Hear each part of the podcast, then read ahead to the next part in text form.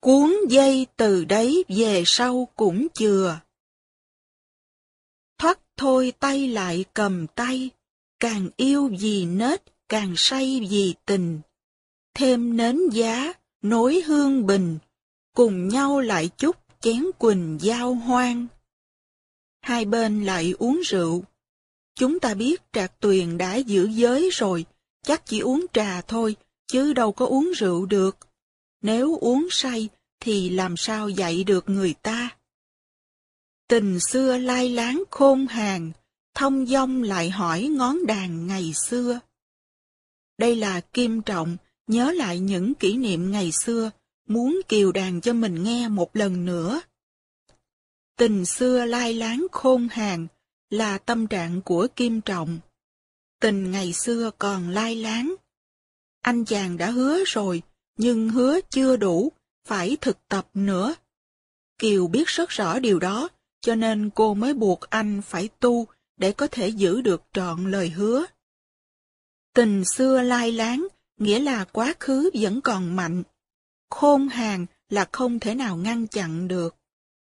Nàng rằng vì mấy đường tơ, lầm người cho đến bây giờ mới thôi. Anh biết không, chính vì bản đàn đó mà em đã khổ suốt đời. Thi ca, âm nhạc, hội họa có thể ảnh hưởng trên đời mình rất nhiều. Nếu không cẩn thận, không chánh niệm khi thưởng thức những bài nhạc, bài thơ, mình sẽ đi sâu vào sầu khổ. Lầm người là đẩy con người đi tới chỗ lầm lạc. Lầm ở đây là wrong view, cái thấy sai lầm về cuộc đời. Câu nói của Kiều có nghĩa là mình phải cẩn trọng khi tiêu thụ những sản phẩm của âm nhạc hay văn học. Tiểu thuyết, vô tuyến truyền hình, âm nhạc đóng một vai trò rất lớn trong cuộc đời mình. Nếu tiêu thụ những sản phẩm đó mà không có chánh niệm, thì mình sẽ khổ suốt đời. Điều này rất rõ trong thế giới của chúng ta. Nếu chúng ta cho trẻ em tha hồ tiêu thụ những sản phẩm văn hóa như vô tuyến truyền hình, âm nhạc, trò chơi điện tử, thì các em sẽ khổ suốt đời, vì các sản phẩm ấy có thể có rất nhiều độc tố. Bản đàn Thúy Kiều sáng tác hồi nhỏ là kết quả của những hạt giống sầu khổ, đen tối, chán đời. Có thể những hạt giống đó đã được trao truyền lại, Thúy Kiều đã không biết để chuyển hóa, mà vẫn để nền âm nhạc đau thương đó trấn ngự đời mình và dẫn mình đi về những nẻo đường không sáng sủa. Nàng rằng vì mấy đường tơ, lầm người cho đến bây giờ mới thôi. Những bài mình hát hàng ngày giận vào mình và đưa mình đi theo ngã của nó. Ở Sài Gòn, vào khoảng năm 1950, bọn con nít hát nghêu ngao ngoài đường. Ôi ta buồn ta đi lang thang bởi vì đâu. Con nít mới có 6-7 tuổi mà hát những câu như vậy thì đời của chúng sẽ đi về đâu? Chúng ta thấy ngay ở trong giới Phật tử cũng có những bài hát rất sầu đau. Ngài ra đi, từ ly, vợ hiền con yêu dấu. Nhạc rất sầu đau, không có gì phản ánh tính cách giải thoát của đạo Bụt hết. Những bài hát của gia đình Phật tử hay những bài hát trong đạo phải mang tính chất của hùng tráng, giải thoát. Những bài thơ cũng vậy.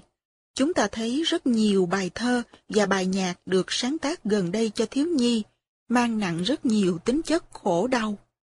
Và như vậy, không có Phật chất. Chúng ta có những bài hát như Bon, Bon, tôi là chuông đại hồng. Hát lên thấy sảng khoái, mạnh mẽ. Còn những bài như Trái tim Bồ Tát, tuy rằng là để ca ngợi Đức Hòa Thượng Quảng Đức, nhưng giọng rất là sầu khổ. Hát lên thì tất cả sẽ giống như những cây liễu rũ. Chúng ta thử nghe một vài bài, rồi mới biết những bài hát đó tưới những hạt giống sầu đau trong chúng ta. Ăn năn thì sự đã rồi, nể lòng người cũ dâng lời một phen. Nhưng nể anh là một người bạn thân thiết nhất đời, nên em sẽ dâng lời đàn một lần nữa. Nhưng Kiều đã biết trước rằng, lần này mình đàn thì bản đàn sẽ khác, vì tâm mình đã giải thoát rồi. Khi tâm mình đã giải thoát rồi, thì chạm đến cái gì là chuyển hóa cái đó. Kiều có một đức tin rất lớn ở nơi mình. Bản nhạc Kiều sáng tác có tên là Bạc Mệnh, số phận mỏng manh. Mới có 16-17 tuổi mà đã làm ra một bản nhạc có tên là Số phận mỏng manh. Chúng ta thấy lối giáo dục đó, lối thưởng thức văn nghệ đó không lành mạnh.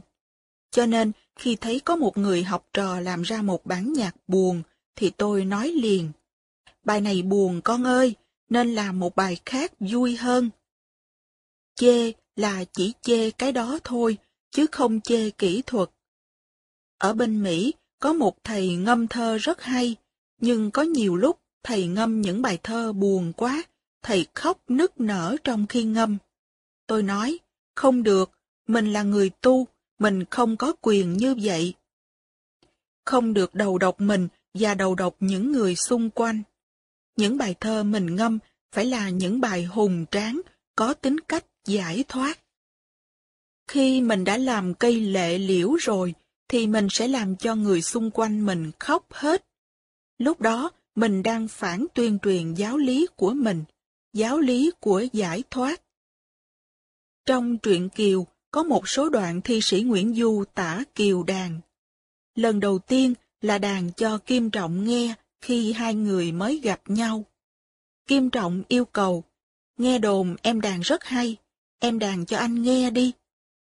Thúy Kiều đem bản nhạc hay nhất của mình, bạc mệnh ra đàn.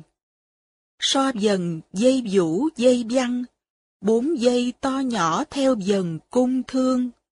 Khúc đâu hán sở chiến trường, nghe ra tiếng sắt tiếng vàng chen nhau. Khúc đâu tư mã phượng cầu, nghe ra như oán như sầu phải chăng. Kê khang này khúc quảng lăng, một rằng lưu thủy, hai rằng hành dân. Quá quan này khúc chiêu quân, nửa phần luyến chúa, nửa phần tư gia. Trông như tiếng hạt bay qua, đục như tiếng suối mới xa nửa dời. Tiếng khoan như gió thoảng ngoài, tiếng mau sầm sập như trời đổ mưa. Ngọn đèn khi tỏ khi mờ, khiến người ngồi đó cũng ngơ ngẩn sầu. Khi tựa gối, khi cúi đầu, khi dò chính khúc, khi trao đôi mày. Anh chàng ngồi không yên được vì bản nhạc đau buồn quá đi. Khi tựa gối, khi cúi đầu, khi dò chính khúc, tức là đau ruột, khi trao đôi mày, buồn quá. Rằng hay thì thật là hay, nghe ra ngậm đắng nuốt cay thế nào, lựa chi những bậc tiêu tao, dột lòng mình cũng nao nao lòng người. Kim Trọng trách Thúy Kiều, tại sao lại đàn một bài buồn quá như vậy? Thúy Kiều đáp, rằng quen mất nết đi rồi, tẻ vui thôi cũng tính trời biết sao. Trời trao cho mình chất đó thì mình chịu thôi. Mà trời nào? Đó là hạt giống của ông bà cha mẹ trao lại, hoặc do từ giáo dục và thói quen mang tới. Một lần khác, Kiều bị bắt buộc phải đánh đàn cho Thúc Sinh nghe.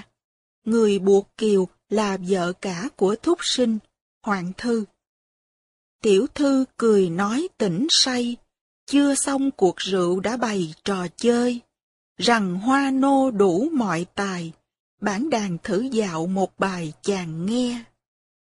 Kiều phải đàn với tư cách của một người đầy tớ, chứ không phải với tư cách của người yêu như cũ. Nàng đà tán hoán tê mê, dâng lời ra trước bình the dặn đàn. Bốn giây như khóc như than, khiến người trên tiệc cũng tan nát lòng. Cùng trong một tiếng tơ đồng, người ngoài cười nụ, người trong khóc thầm. Giọt châu lã chả khôn cầm, cúi đầu chàng những gạt thầm giọt tương. Thúc sinh ngồi trên bàn tiệc khóc nức, không thể dừng lại được. Tiếng đàn của Kiều ai oán quá. Hoạn thư rầy. Mày đàn cái bài gì mà dữ dội quá vậy? Ác ôn quá vậy? Mày làm cho chàng khóc. Đó là tội của mày. Nhưng Thúy Kiều đâu thể đàn một bài vui được. Chất nghệ thuật của nàng là chất sầu cảm mà. Một lúc khác, Kiều phải đàn cho một cuộc liên hoan, tổ chức bởi quan lớn Hồ Tôn Hiến để ăn mừng thắng trận. Hồ Tôn Hiến vừa lừa và giết được Từ Hải, chồng của Kiều. Trong quân mở tiệc hạ công, xôn xao tơ trúc hội đồng quân quan, bắt nàng thị yến dưới màn, dở say lại ép cung đàn nhặt tâu. Một cung gió thảm mưa sầu, bốn dây nhỏ máu năm đầu ngón tay, ghe ngâm dượng hót nào tày, lọt tai hồ cũng nhăn mày rơi châu. Cũng bài đó, một cung đàn mà làm cho gió phải tuổi, mưa phải sầu. Tiếng đàn lâm ly ai oán như có máu nhỏ ra trên ngón tay người đàn. Con ve mùa hè than khóc, cũng không buồn như vậy. Con dượng trong rừng sâu kêu thương khi con chết, cũng không đau khổ đến thế. Ai ngồi trong tiệc cũng phải khóc, kể cả người anh hùng chiến thắng là Hồ Tôn Hiến. Tâm trạng của Kiều lúc đó là tâm trạng đau khổ cùng cực. Hỏi rằng, này khúc ở đâu? Nghe ra muôn oán nghìn sầu lắm thay. Thưa rằng, bạc mệnh khúc này, phổ vào tay ấy những ngày còn thơ. Cung cầm lựa những ngày xưa, mà gương bạc mệnh bây giờ là đây. Ngày xưa đã chọn loại âm nhạc đó, bây giờ kết quả là đây, quan lớn nhìn vào thì thấy. Những đau khổ chỉ cho Thúy Kiều biết là mình đã đi lầm đường trong sự thưởng thức âm nhạc, nghệ thuật. Vì vậy, bây giờ Thúy Kiều nói một cách rất rõ ràng với Kim Trọng. Nàng rằng vì mấy đường tơ, lầm người cho đến bây giờ mới thôi. Ăn năn thì sự đã rồi, nể lòng người cũ dâng lời một phen. Và bây giờ, cụ Nguyễn Du tả Thúy Kiều đàn cho Kim Trọng nghe sau 15 năm gặp lại. Lần này, tiếng đàn của Thúy Kiều không còn như ngày xưa nữa, vì tâm Kiều đã giải thoát. Phím đàn dìu dặt tay tiên, khói trầm cao thấp tiếng huyền gần xa. Khúc đâu đầm ấm dương hòa, ấy là hồ điệp hay là trang sinh? Khúc đâu êm ái xuân tình, ấy hồn thục đế hay mình đổ quyên? Trong sao châu nhỏ duền quyên, ấm sao hạt ngọc lam điền mới đông.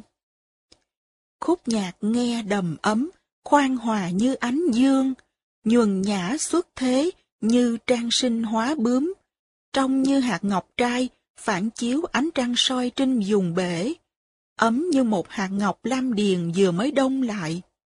Đây là những hình ảnh tả sự ấm áp, trong trẻo, tươi xuân của bản đàn. Không còn chất liệu đau khổ ngày xưa nữa, vì tâm của người đánh đàn đã được chuyển hóa. Chú thích Hồ Điệp là con bươm bướm. Trang sinh, tức Trang Chu, Trang Tử, người thời chiến quốc. Trang Tử, xưa kia Trang Chu chim bao thấy mình hóa bướm, tự thấy thích chí, chẳng biết đến Chu nữa. Thoát thức dậy thì thù lù là Chu, không biết Chu chim bao thành bướm hay bướm chim bao thành Chu. Thục đế, vua nước thục, đổ quyên, chim cuốc cũng gọi là tử quy hoặc đổ vũ. Hoàng vũ ký Vua nước thục là đổ vũ, hiệu vọng đế, sau khi đã nhường ngôi cho người khác lên ở ẩn ở núi Tây Sơn, chết hóa thành chim đổ quyên, tiếng kêu ai oán.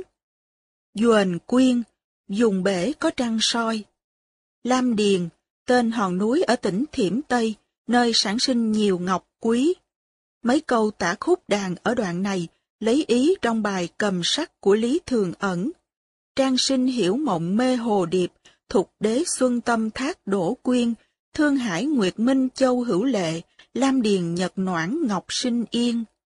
Trang sinh trong giấc chim bao buổi sáng mơ màng, tưởng mình hóa bướm. Vua thục đế ký thác cái lòng thương tiếc thì xuân vào chim đổ quyên. Chỗ biển rộng, bóng trăng soi hạt ngọc trai có nước mắt. Lam điền buổi nắng ấm, những hồn ngọc lên hơi. Hết chú thích. Lọt tai nghe suốt năm cung, tiếng nào là chẳng não nùng xót xa. Kim Trọng nghe bản nhạc rất ngạc nhiên. Chàng rằng phổ ấy tay nào, xưa sao sầu thảm, nay sao vui vầy. Tẻ vui bởi tại lòng này, hay là khổ tận tới ngày cam lai? Vui, khổ là tại nhận thức của mình, hay là vì hết cái đắng? Khổ thì tự nhiên cái ngọt, cam, cái vui đến. Đó là câu nói triết lý của chàng Kim Trọng. Anh chàng bắt đầu thấm giáo lý duy tâm. Buồn hay vui đều là do tâm. Câu trả lời của Thúy Kiều càng làm rõ hơn điều Kiều đã tuyên bố trước đó về vấn đề thưởng thức văn nghệ. Nàng rằng vì chút nghề chơi, đoạn trường tiếng ấy hại người bấy lâu. Một phen tri kỷ cùng nhau, cuốn dây từ đấy về sau cũng chừa. Vì ham chơi nhạc sầu khổ mà tiếng nhạc đoạn trường, đứt ruột đã hại mình biết bao nhiêu là năm tháng. Bây giờ chúng ta đã hiểu nhau, đã thấy được sự thật rồi, thì xin vĩnh biệt cái loại âm nhạc đứt ruột từ đây. Vì nếu chúng ta cứ tiếp tục, thì con cháu chúng ta sẽ bị ảnh hưởng. Cuốn dây từ đấy về sau cũng chừa. Đây là quyết định của Thúy Kiều. Thúy Kiều đã thấy được sự thật của giới thứ năm và muốn con cháu mình sau này sẽ không dướng vào đó nữa. Chuyện trò chưa cạn tóc tơ, gà đà gáy sáng trời vừa rạng đông. Tình riêng chàng lại nói sòng, một nhà ai cũng lạ lùng khen lao. Trong nguyên lục, Kim Trọng chỉ nói cho Thúy Dân nghe thôi, nhưng Thúy Dân đem ra nói hịch toẹt với gia đình. Cho hay thục nữ chí cao, phải người sớm mận tối đào như ai. Hai tình dẹn dẻ hòa hai, chẳng trong chăn gối cũng ngoài cầm thơ. Khi chén rượu, khi cuộc cờ, khi xem hoa nở, khi chờ trăng lên. Ba sinh đã phải mười nguyền, duyên đôi lứa cũng là duyên bạn bầy. Chánh niệm là nẻo thoát. Mây trắng thông dong Bao nhiêu tuần lễ đã trôi qua, chúng ta hãy tưởng tượng đi, khi rời sư chị, căn cứ trên lời hứa của cha, lập am rồi sẽ rước thầy ở chung. Thúy Kiều vẫn mong ước có ngày như thế. Về nhà, trả được nghĩa và tình rồi, thì có thể tiếp tục tu được. Nhớ lời lập một am mây, khiến người thân tín rước thầy giác duyên. Nhớ lời lập một am mây, tức là nhớ lời hứa sẽ lập một cái chùa. Có những bản quốc ngữ khi in ra cho dấu phẩy sau chữ nhớ lời, theo tôi thì không đúng. Không lý làm chùa rồi mới cùng những người thân tín đi rước thầy giác duyên. Không phải như vậy. Làm chùa mà làm ở ngay thành phố thì sư giác duyên đâu chịu tới. Ý Kiều là muốn mời sư chị tới để hỏi, bây giờ chị em mình nên làm am chỗ nào để tu? Làm am đàng hoàng, vì gia đình em bây giờ có thể cung dưỡng được. Làm một cái am mây, trong đó có phòng tắm và lò sưởi đàng hoàng. Theo tôi, nhớ lời lập một am mây là nhớ lời hứa ngày xưa sẽ lập một cái chùa và mời thầy tới ở chung. Cho nên, khiến người thân tín rước thầy giác duyên. Tới thưa với ni sư xem ni sư muốn làm chùa ở chỗ nào. Có lẽ nhiều tuần lễ đã đi qua, từ cái ngày cả gia đình đến rước kiều về. Sư chị Giác Duyên đã thấy được sự thật là gia đình này sau 15 năm xa cách cần sự có mặt của Thúy Kiều. Sư chị biết phải để cho Thúy Kiều đi. Sư chị không tìm cách để giữ lại. Sư chị gật đầu, mỉm cười, Em cứ đi đi. Chị tin tưởng rằng trong hoàn cảnh nào, em cũng giữ được tâm bồ đề, và em cũng sẽ tiến tu được. Với nụ cười đó, Thúy Kiều đã đi về và đã làm được như mong ước của sư chị. Thời gian đó có thể xảy ra trong một, hai hoặc ba tuần lễ là nhiều. Tôi nghĩ trong suốt thời gian đó, không có ngày nào, giờ phút nào mà sư em không nhớ tới sư chị, và mong ước rằng sau khi trả xong món nợ tình nghĩa, hướng dẫn được sự tu học cho gia đình và cho người tình cũ, thì mình có thể trở về với sư chị. Một, hai, ba tuần lễ cho đến một tháng là nhiều. Không thể tưởng tượng rằng Thúy Kiều ở lâu hơn mà không đi thăm sư chị, vì tình hai người rất thắm thiết. Nhớ lời lập một am mây, khiến người thân tín rước thầy giác duyên. Tôi nghĩ rằng những người kia, dù thân tín cách mấy đi nữa, mà tới rước giác duyên thì cũng không đủ lễ. Trong chuyến đi này, thế nào cũng phải có trạc tuyền. Làm sao chịu nổi cái chuyện gửi người ta đi mà mình không đi? Bởi vì ngày nào đêm nào, bao giờ trạc tuyền cũng nghĩ tới người sư chị thương yêu của mình. Người đã cứu mình, đã sinh ra mình lần thứ hai, không những bằng thân xác, mà bằng cả đời sống tâm linh nữa. Nhưng đến nơi thì thấy gì? Đến nơi đóng cửa cài then, rêu trùm kẻ ngạch cỏ lên mái nhà. Sư chị đã đi rồi. Sư chị tự do như một đám mây, như một con hạt trắng. Cái đẹp của sư chị là ở chỗ đó. Cái đẹp của người tu là cái tự do của người đó. Người tu là một người có không gian. Không gian ở trong lòng và không gian ở chung quanh. Nếu muốn đi thì đi, không có gì có thể giữ người tu được. Có một bài kệ chúng ta thường ngâm. Bụt là dần trăng mát, đi ngang trời thái không, hồ tâm chúng sanh lặng, trăng hiện bóng trong ngần. Bài này tôi đã dịch tự do từ một bài thơ chữ Hán trong một khóa tu ở miền Nam Cali. Bồ Tát Thanh Lương Nguyệt, du ư tất cảnh không, chúng sanh tâm cấu tận, Bồ đề ảnh hiện trung. Mặt trăng trong và mát của Bồ Tát đi chơi ở cõi không tuyệt đối. Nếu những bụi bặm cấu uế trong tâm chúng sanh hết rồi, thì hình ảnh giác ngộ hiện ra trong tâm ấy. Ta có thể họa tượng Đức Bồ Tát Quan Thế Âm ngồi trên một phiến đá, phía trên có mặt trăng, và viết bốn câu thơ này lên chỗ lạc khoảng.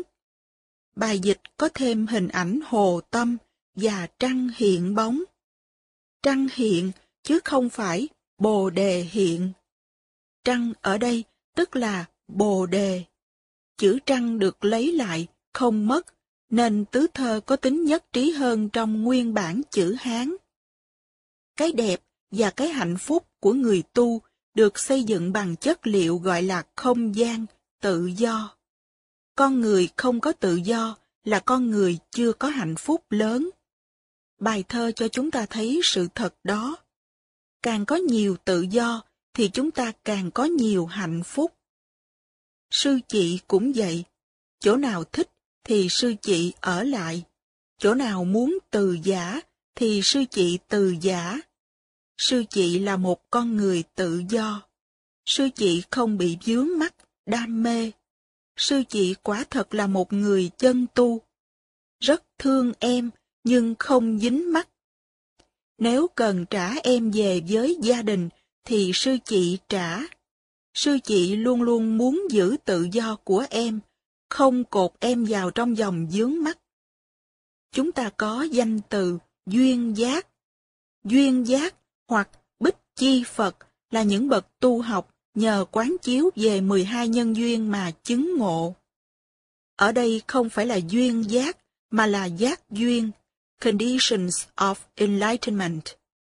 Những điều kiện để chúng ta tỉnh ngộ, giác ngộ. Con người của sư chị là một điều kiện chính để giúp trạc tuyền đạt tới giác ngộ và chuyển hóa. Mỗi người trong chúng ta phải là một điều kiện để giúp người thương của chúng ta đạt tới sự hiểu biết, giác ngộ và giải thoát. Mỗi chúng ta, khi đi tu rồi, phải là một điều kiện để giúp cho những người thân của chúng ta được giác ngộ. Chúng ta phải giúp cha, mẹ, anh chị em, bạn bè của chúng ta được giác ngộ. Chúng ta phải thực hành ý nguyện của sư chị. Giác duyên là một phần trong con người chúng ta. Chúng ta phải nuôi lớn con người giác duyên trong ta, để sau này có thể giúp cha mẹ, tổ tiên, gia đình và xã hội. Giúp với tư cách những điều kiện đưa tới sự thực hiện hiểu biết, giác ngộ và thương yêu. Trong nguyên lục, khi Kiều cùng với một số người đến tìm sư chị giác duyên tại chùa, thì họ thấy cửa đóng. Sư chị đã đi rồi, trước cửa có để lại một câu thơ chữ nho. Nhược vấn ngô thân hà xứ khứ, thường bạn chi hạt bán không dân. Nếu hỏi thân tôi đã đi về hướng nào, thì trả lời rằng, bây giờ tôi đang bay theo con chim hạt ở giữa đám mây trên từng không. Có nghĩa là, tôi là một con người tự do, muốn đi đâu thì đi, tôi không có địa chỉ nhất định. Vì câu đó, trong nguyên lục, nên cụ Nguyễn Du viết, Sư đà hái thuốc phương xa, mây bay hạt lánh biết là tìm đâu. Hái thuốc phương xa là lấy ý từ bài thơ Tùng Hạ Vấn Đồng Tử của thi sĩ giả đảo đời đường. Bài thơ rất hay. Tùng Hạ Vấn Đồng Tử, ngôn, sư thê diệp khứ, chỉ tại thử sơn trung, dân thâm bất tri xứ. Khách ngừng lại dưới cây tùng và hỏi chú Tiểu. Đáp, thầy tôi đi hái thuốc, chỉ quanh quẩn trong núi này thôi. Nhưng vì mây dày đặc quá, nên không biết ở chỗ nào. Chú Tiểu này là một chú Tiểu rất thương thầy, không muốn những người khách tới làm quấy rầy thầy, cho nên dù có biết thầy ngồi ở đâu, chú cũng không nói. Cả mười năm nay, tôi có cốt truyện này mà chưa viết được. Trong ngôi chùa đó, có một ông thầy và một chú Tiểu. Thầy làm tròn bổn phận của một ông thầy, và chú Tiểu cũng thương thầy lắm. Thỉnh thoảng, thầy dắt chú Tiểu lên khu rừng phía sau chùa. Một bữa vui miệng, thầy nói chơi với chú Tiểu. Đây mới là chùa của thầy, còn chùa dưới đó không phải. Dưới đó thầy phải làm nhiều việc, phải tiếp khách quá nhiều. Trên này có những cây thông cao vút, ngồi ở đây thầy rất sung sướng. Đây mới thật là chùa của thầy. Hai thầy trò chỉ nói chơi với nhau thôi. Có bữa nọ, chú Tiểu đang làm việc thì có ông khách tới. Thầy đâu chú? Chú đáp, trên chùa. Chú không chánh niệm lắm, chú đang nghĩ tới khu rừng ở trên đồi, chùa thiệt của thầy. Ông khách hí hửng, đi vào chánh điện, ngó quanh ngó quất không thấy thầy đâu. Đi một vòng cũng không thấy. Ông ta hỏi, chú nói thầy ở trên chùa, mà sao tôi không thấy? Biết rằng hồi nãy mình không có chánh niệm, chú nói, chùa này là chùa của bác, chùa của thầy ở trên cao kìa, nhưng bác đừng lên đó, chùa của bác ở đây, trên đó là chùa của thầy. Cốt truyện là như vậy. Tôi có ý viết truyện ngắn đó, nhưng 10 năm nay chưa viết được. Chú Tiểu ở đây giỏi quá. Chú biết thầy ưa ngồi chỗ nào trên núi, nhưng chú đã nói, thầy tôi hái thuốc, chỉ ở trên núi này thôi, nhưng mây dày quá không biết ở chỗ nào. Có lên tìm cũng không thấy đâu, chi bằng đừng lên. Có nghĩa là, để cho thầy tôi yên. Đọc câu thơ của Nguyễn Du, Sư Đà hái thuốc phương xa, chúng ta hiểu là sư chị không muốn bị quấy rầy. Đến nơi đóng cửa cài then, rêu trùm kẻ ngạch, cỏ lên mái nhà. Đọc hai câu thơ này, tuy thấy hay, nhưng nếu chưa biết gốc rễ của chúng, thì chúng ta cũng chưa thấm lắm. Sư chị như một đám mây tự do, như một con hạt trắng. Muốn đi đâu thì đi. Thật ra, sư chị đã dựng sẵn cái am này ở bờ sông tiền đường để làm gì? Cái am đó là để sống với sư em thôi. Nếu sư em đi rồi, thì giữ am làm gì nữa? Thả bò mà đi. Tìm về am cũ mà thấy rêu trùm kẻ ngạch, cỏ lên mái nhà, thì cảm thấy thế nào? Buồn. Buồn vì không gặp được sư chị nữa. Nhưng ta thấy sư chị đẹp vô cùng. Sư chị là một con người tự do, không dính mắt. Khi cần thì sư chị làm chùa để sống với sư em. Khi sư em không cần nữa, thì sư chị bỏ, đi về với đời sống tự do thanh thoát của mình. Như một con chim hạt, như một đám mây trắng. Những câu thơ này đẹp lắm. Đến nơi đóng cửa cài then, rêu trùm kẻ ngạch, cỏ lên mái nhà. Sư đà hái thuốc phương xa, mây bay hạt lánh biết là tìm đâu. Sư chị đã trở thành huyền thoại, rất đẹp. Tu, chúng ta chỉ muốn trở thành như sư chị mà thôi. Từ đó về sau, ngày nào trạc tuyền cũng lên am thắp nhang. Cố nhiên là cũng cắt cỏ và ngồi đó để nhớ sư chị. Nặng gì chút nghĩa bấy lâu, trên am cứ giữ hương dầu hôm mai. Ngày xưa, người ta đi không để lại địa chỉ. Người ta chưa có bưu điện, điện thoại, điện tính và điện thư, email. Thành ra sư em không có cách nào liên lạc được với sư chị. Cách liên lạc duy nhất là mỗi ngày sư em lên chùa quét dọn, cắt cỏ, thắp nhang, thắp đèn, ngồi thiền. Tôi muốn, và nếu tôi làm không được, thì một vị trong đại chúng này sẽ làm. Viết tiếp cốt truyện này, tức là sau đó cái gì sẽ xảy ra. Tôi nghĩ Trạc Tuyền đủ thông minh để đi tìm sư chị, vì sư chị là một người đã được biết tới trong giới xuất gia.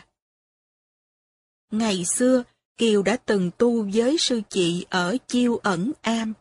Kiều có thể đi tới Chiêu Ẩn Am. Kỳ này có thể đi bằng xe ngựa đàng hoàng, vì gia đình Kiều bây giờ đã giàu có. Em trai làm quan, em gái là vợ của một ông quan. Tới Chiêu Ẩn Am hỏi, thì thế nào người ta cũng có thể có một ý kiến là sư chị bây giờ đang ở đâu. Có thể sư chị đang ở đó, biết đâu. Nếu tôi viết không được, thì quý vị sẽ viết, viết tiếp truyện Kiều. Không hẳn là phải viết bằng thơ lục bát, không hẳn là phải viết hay như cụ Nguyễn Du, nhưng mình có thể tiếp tục được. Tôi nghĩ rằng sau năm bảy tháng tìm kiếm, thì Trạc Tuyền có thể tìm được lại sư chị và trở lại sống đời sống của người xuất gia với sư chị. Điều đó ta có thể viết ra được, phù hợp với tình tiết của đoạn truyện này. Ở đây, truyện được chấm dứt bằng hình ảnh rất tuyệt vời của sư chị. Bây giờ nói về gia đình của Kim Trọng và Dương Quang. Một nhà phúc lộc gồm hai, nghìn năm dằn dặt quan giai lần lần. Có phước, tức là gia đình đoàn tụ, ba thế hệ được ở chung. Có lộc là có tiền bạc lợi tức, được thăng quan tiến chức, chưa nói đến thọ. Thừa gia chẳng hết nàng dân, một cây cù mộc, một sân quế hòe. Thúy Dân đóng vai trò người vợ cả đảm đang, sanh ra khá nhiều các bé tí. Phong lưu phú quý ai bì, dường xuân một thuở để bia muôn đời. Dường xuân là hạnh phúc gia đình, để lại tiếng khen, người đời truyền tụng mãi.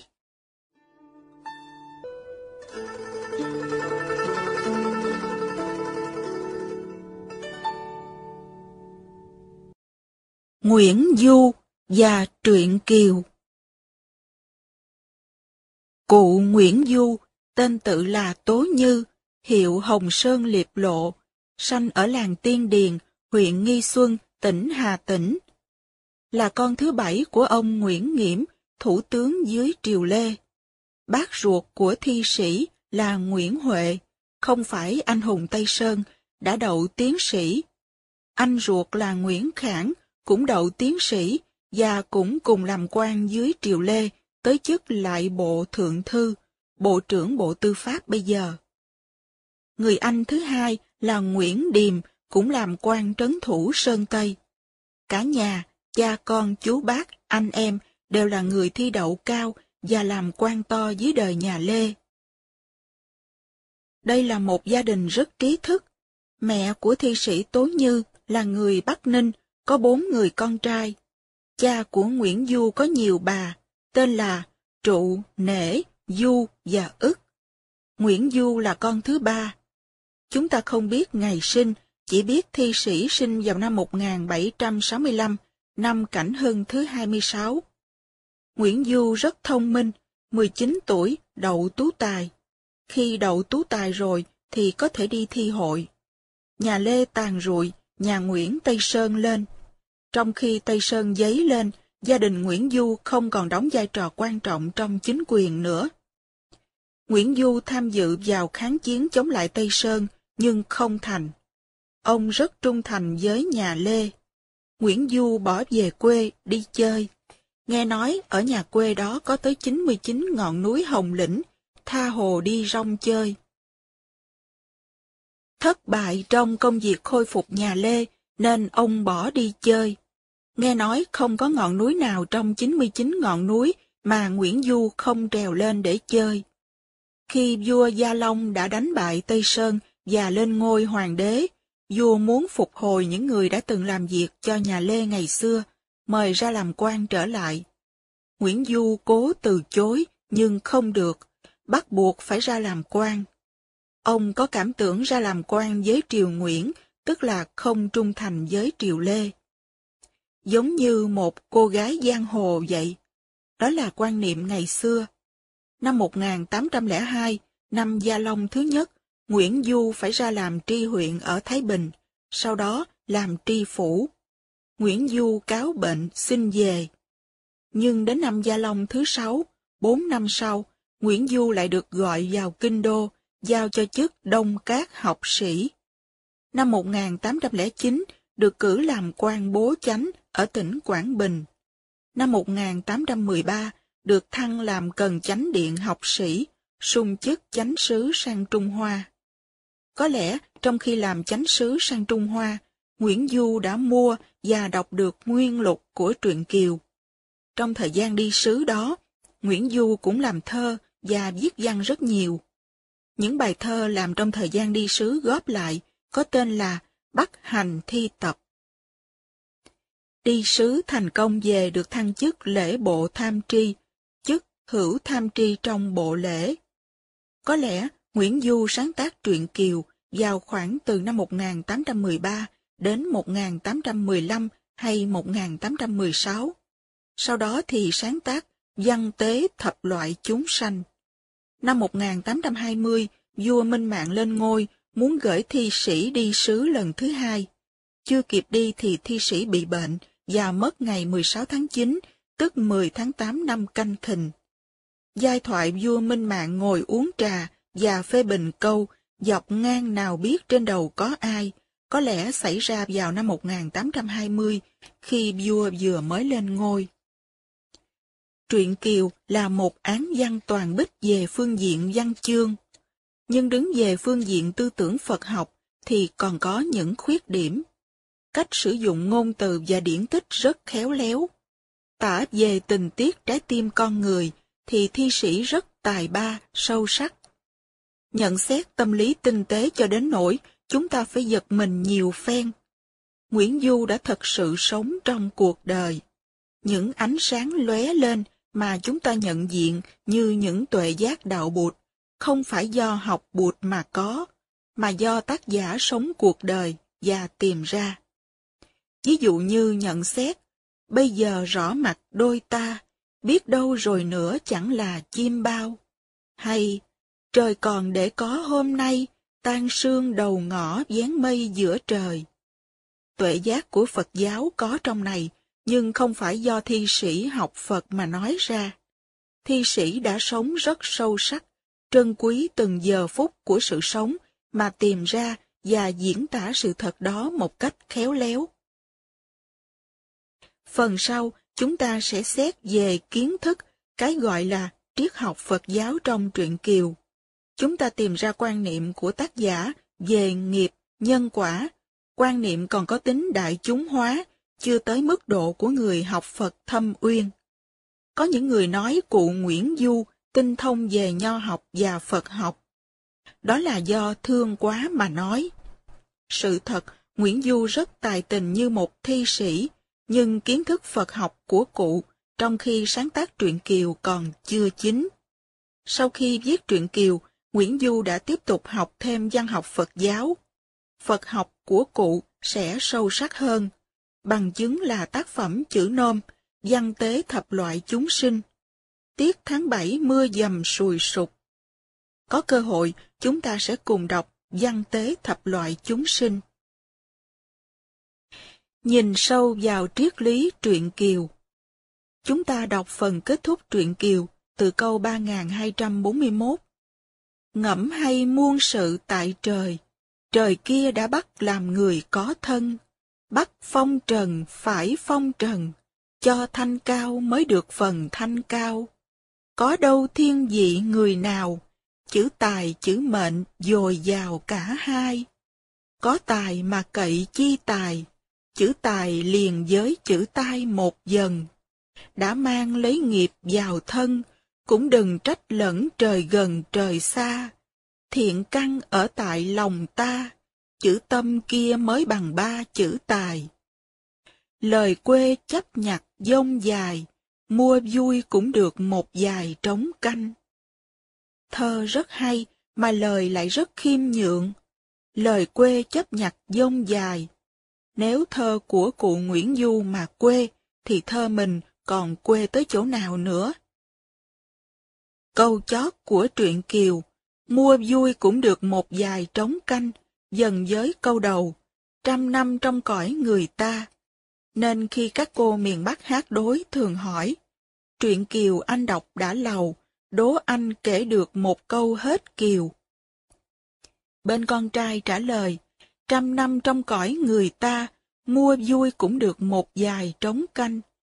Một già hay một dài đều cùng nghĩa. Có nghĩa là trong cuộc sống trăm năm, người ta thấy sự việc đi qua một cách chớp nhoáng, giống như chỉ trong một dài trống canh thôi. Câu này cũng có ý nghĩa lắm. Cho hay muôn sự tại trời. Câu này hầu như nói rằng tất cả mọi sự mọi việc trên đời đều được ông trời sắp đặt như trong thuyết thiên mệnh. Trời ở đây có thể là ông trời, nhưng cũng có thể là mạng lưới nhân quả. Tuy nói muôn sự tại trời, nhưng sau đó cụ Nguyễn Du lại nói, đã mang lấy nghiệp vào thân, cũng đừng trách lẫn trời gần trời xa. Hai điều có vẻ như chống trái nhau, nhưng lại có thể bổ túc cho nhau. Đứng về phương diện văn chương, tư tưởng, tâm lý thì không nói gì, nhưng đứng về phương diện Phật học thì cái thấy của cụ Nguyễn Du chưa được rạch ròi lắm. Trời kia đã bắt làm người có thân. Như vậy làm người có cái thân này có thể không phải là một điều vui mà là một sự đầy đọa. Hữu thân hữu khổ phàn nàn cùng ai. Nhiều người nói, tôi không muốn làm người, tôi không muốn có thân, tôi chống đối lại ý tưởng của trời đất, của Thượng Đế, vì tôi thấy làm người mệt quá. Trong khi đó, được làm người có thể là một niềm vui, tùy theo cách nhìn của mình. Trời kia đã bắt làm người có thân, là tư tưởng có khuynh hướng yếm thế. Bắt phong trần phải phong trần. Nghĩa là nếu trời bắt mình phải sống cuộc đời gió bụi, truân chuyên, đau khổ, rủi ro, thì con người phải sống cuộc đời gió bụi. Thuở trời đất nổi cơn gió bụi. Trời đã làm ra con người, rồi lại làm ra gió bụi để cho con người lãnh đủ. Nhiều người chống đối ông trời, chống đối thiên mệnh là gì vậy? Cho thanh cao mới được phần thanh cao. Thanh cao có nghĩa là nhàn hạ, có hạnh phúc, không bị rủi ro nhiều, ngược lại với phong trần. có một lực lượng nào đó quyết định việc mình sẽ bị phong trần hay sẽ được thanh cao. giận mệnh con người như đã được viết sẵn trong một cuốn sổ ở thiên đình. Con người chết cứng, dùng dãy thế nào cũng không thoát được. Nếu số mình là gió bụi phong trần, thì mình sẽ gió bụi phong trần suốt đời. Còn nếu số mình được thanh cao, thì dù mình làm biến, không tranh đấu gì hết, cũng vẫn được thanh cao khỏe khoắn. Đó là thuyết thiên mệnh hay định mệnh. Thiên là trời, mệnh là mệnh lệnh hay mạng. Chữ mạng cũng có nghĩa là đời sống. Thiên mệnh nghĩa là ông trời nắm giữ vận mạng, quyết định đời sống của mình. Có những trường hợp người ta không dùng chữ ông trời. Tuy không có ông trời, nhưng số mạng con người đã được quyết định trước. Đó là thuyết định mệnh. Tất cả đều đã được xếp sẵn, con người cứ việc dân chịu thôi, chứ không thể nào phản đối, xoay sở hay cựa quậy gì được hết. Khuynh hướng tin vào thiên mệnh hay định mệnh rất mạnh trong tâm trí con người. Con người tuy dùng dãy cũng khá, mưu mô cũng nhiều, nhưng rốt cuộc cũng cảm thấy mình bị kẹt trong lưới thiên mệnh hay định mệnh. Dùng dãy khó quá, cho nên cuối cùng phải tin rằng có một thiên mệnh hay định mệnh. Khi còn trẻ, chúng ta hay phản đối tư tưởng thiên mệnh hay định mệnh này. Chúng ta nói, mình có sức mạnh, có trí tuệ, nhiều thứ lắm, mình sẽ chống lại. Hồi Thúy Kiều còn nhỏ, một ông thầy tướng nói, suốt đời cô sẽ khổ vì tất cả những tinh hoa, tài sắc trong con người cô đều phát tiết ra ngoài hết. Cô không giấu giữ được cái gì bên trong nên phải khổ suốt đời.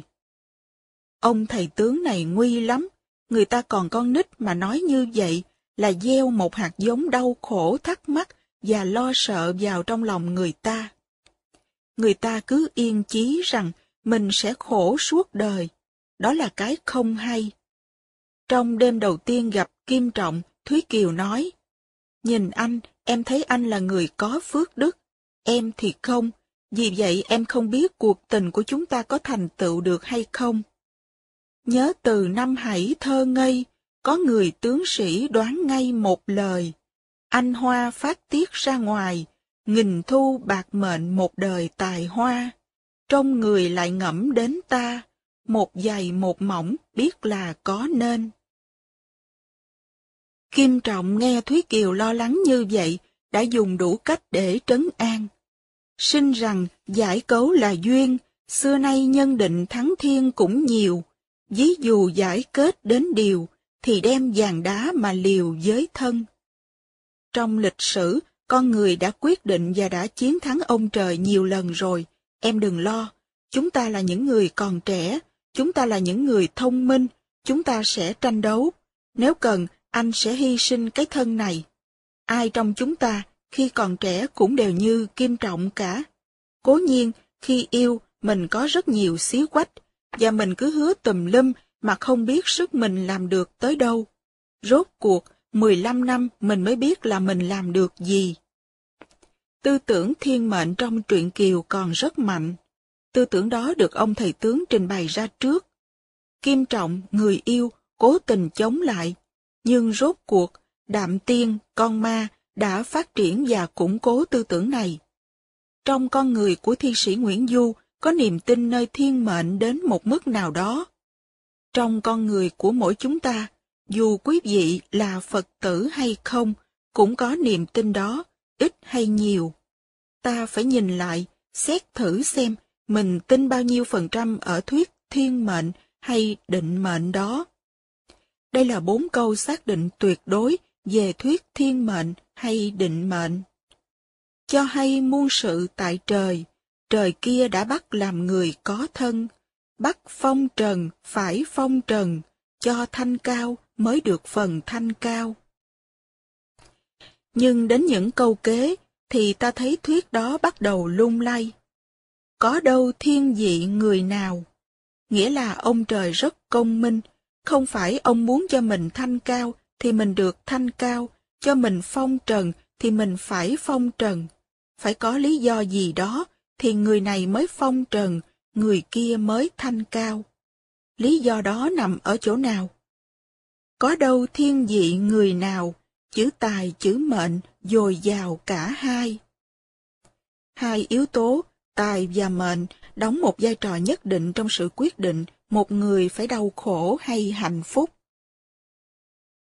Theo triết lý nguyên lục, mà cụ Nguyễn Du cũng bị ảnh hưởng khi viết truyện Kiều, thì giữa tài và mệnh có sự chống đối nhau.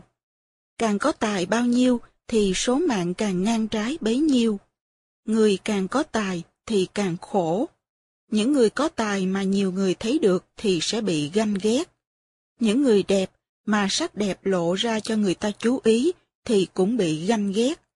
Sắc và tài là hai cái khi phát hiện ra ngoài nhiều quá thì sẽ làm người mang nó khổ. Anh Hoa phát tiết ra ngoài một trăm phần trăm thì nghìn thu bạc mệnh một đời tài hoa. Căn cứ vào nhận thức đó thì lỡ mà mình đã có tài và có sắc rồi thì mình phải làm sao để giấu tài, giấu sắc của mình đi.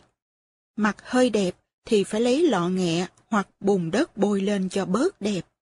Có tài thì phải giả bộ làm người ngu để người ta khỏi ghét. Mấy cô gái đi vượt biên mỗi khi thấy thuyền hải tặc thì rất sợ. Nếu các cô không đẹp thì các cô sợ ít. Mặt cô mà xinh thì cô sợ nhiều. Đức tin của người ta cũng có căn cứ vào sự thật xảy ra, chứ không phải chỉ nghe một lý thuyết mà tin liền. Ở Đông Phương, chúng ta biết phải ở ẩn, phải làm như ngu, như điếc, như câm trong những lúc khó khăn thì mới sống được. Còn nếu mình nói thẳng, chứng tỏ mình là người có dũng, có tài, thì chết rất mau. Ở Tây Phương, người ta cũng nói rằng nếu muốn sống hạnh phúc thì phải sống ẩn danh. Muốn được hạnh phúc thì phải ở ẩn đi, chứ nếu người ta thấy mình có hạnh phúc thì người ta sẽ ghen, sẽ đập cho mình tan nát. Cho nên hạnh phúc không bao giờ nên phô trương ra cả. Mà loài người rất dại dột. Loài người không có hạnh phúc, nhưng hay giả đò mình là người có hạnh phúc. Có những cặp, trong nhà thì lục đục đánh nhau, đi ra ngoài thì làm như mình có hạnh phúc nhiều lắm. Trong khi đó, trí tuệ là khi có hạnh phúc thực sự, thì phải giả bộ là không có hạnh phúc, che giấu đi, nếu không sẽ bị ghen tuông. Thuyết tài mệnh tương đố ở đây chỉ nói rằng có tài và có sắc thì khổ, chứ không nói rõ là vì tâm lý ganh ghét của con người. Có đâu thiên vị người nào, chữ tài chữ mệnh dồi dào cả hai. Chúng ta thấy ở đây đã bắt đầu có sự đóng góp của con người trong khổ đau hay hạnh phúc của mình rồi. Có đâu thiên vị người nào, tức là ông trời công minh, Trời công minh có nghĩa là con người có đóng một vai trò nào đó. Người tốt thì được cái này, người xấu thì bị cái kia. Không phải ông trời muốn gì thì được đó.